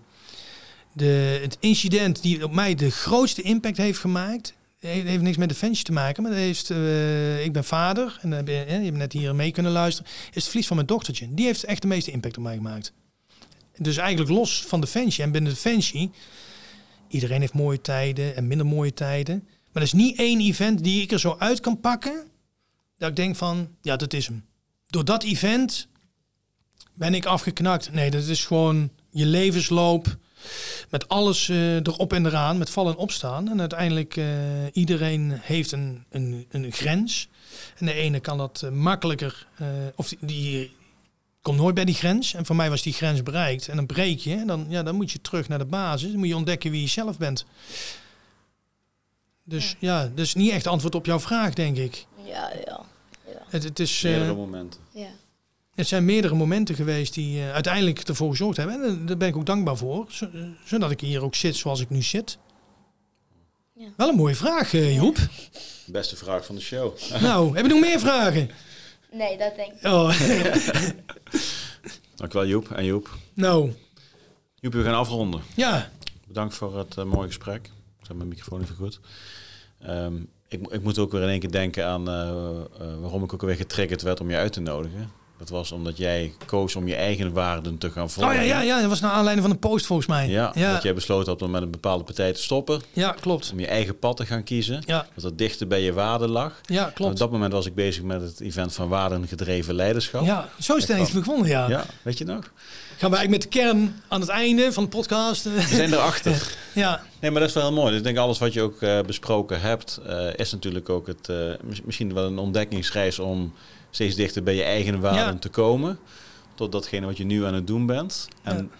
door de muziek ga je nog dichter bij je eigen ja. waarden komen, zeg maar. Ja. En kun je andere mensen bereiken met dat pad. Want hetgene wat je dus deelt, is eigenlijk iedere keer een stukje van... Ja, dat is eigenlijk mezelf. Eigen, dus ook de songs. Je eigen reis. Hè? Dus uh, iemand die nooit thuis, echt thuis komt, gaat over mezelf. En over uh, Frank, hè? een beetje gelijkgestemde. Zo is dat begonnen. Hè? Maar ook uh, Joe is een nummer. Ja, dat gaat gewoon over mezelf. En ja, ik, ik kom steeds dichter bij mezelf. Maar ook dat is nog steeds een reis die nog niet afgelopen is. Nee, oneindig pad. Ja, mooi hè? Ja. Joepie, bedankt. Pet, bedankt voor de uitnodiging. Ja. Dankjewel dat ik hier mocht zijn. Joep, bedankt. Ja, ik wil, voor de goede zorgen. Ik wil Joepie bedanken voor het komst vanuit uh, Welwijk naar Haarlem. Ja, joh. En ik wil uh, Joep bedanken voor de beste vraag van de podcast. Ja, hele goede vraag. hele goede vraag. Moest ik echt over nadenken hoor. Ja. Ja, hè? Ja, heel goed. Nee, dankjewel. Hey, ik wil iedereen bedanken voor het kijken, bedanken voor het uh, luisteren. Nou, heb jij een vraag naar aanleiding van dit gesprek voor, uh, voor Joepie, voor mij of voor Joep? Dat kan natuurlijk ook, hè? voor de jongere ja. kijkers onder ons. Uh, zet dat gewoon in een reactie onder de post waar je deze podcast ziet op YouTube of onder een van de podcast-apps. Ben niet geabonneerd, doe dat ook. En ik zeg altijd, Patrick hier, einde bericht. Tot de volgende keer. Aankleding. mama. Mama had grote dromen. Je zag een nieuwe Willie Nelson.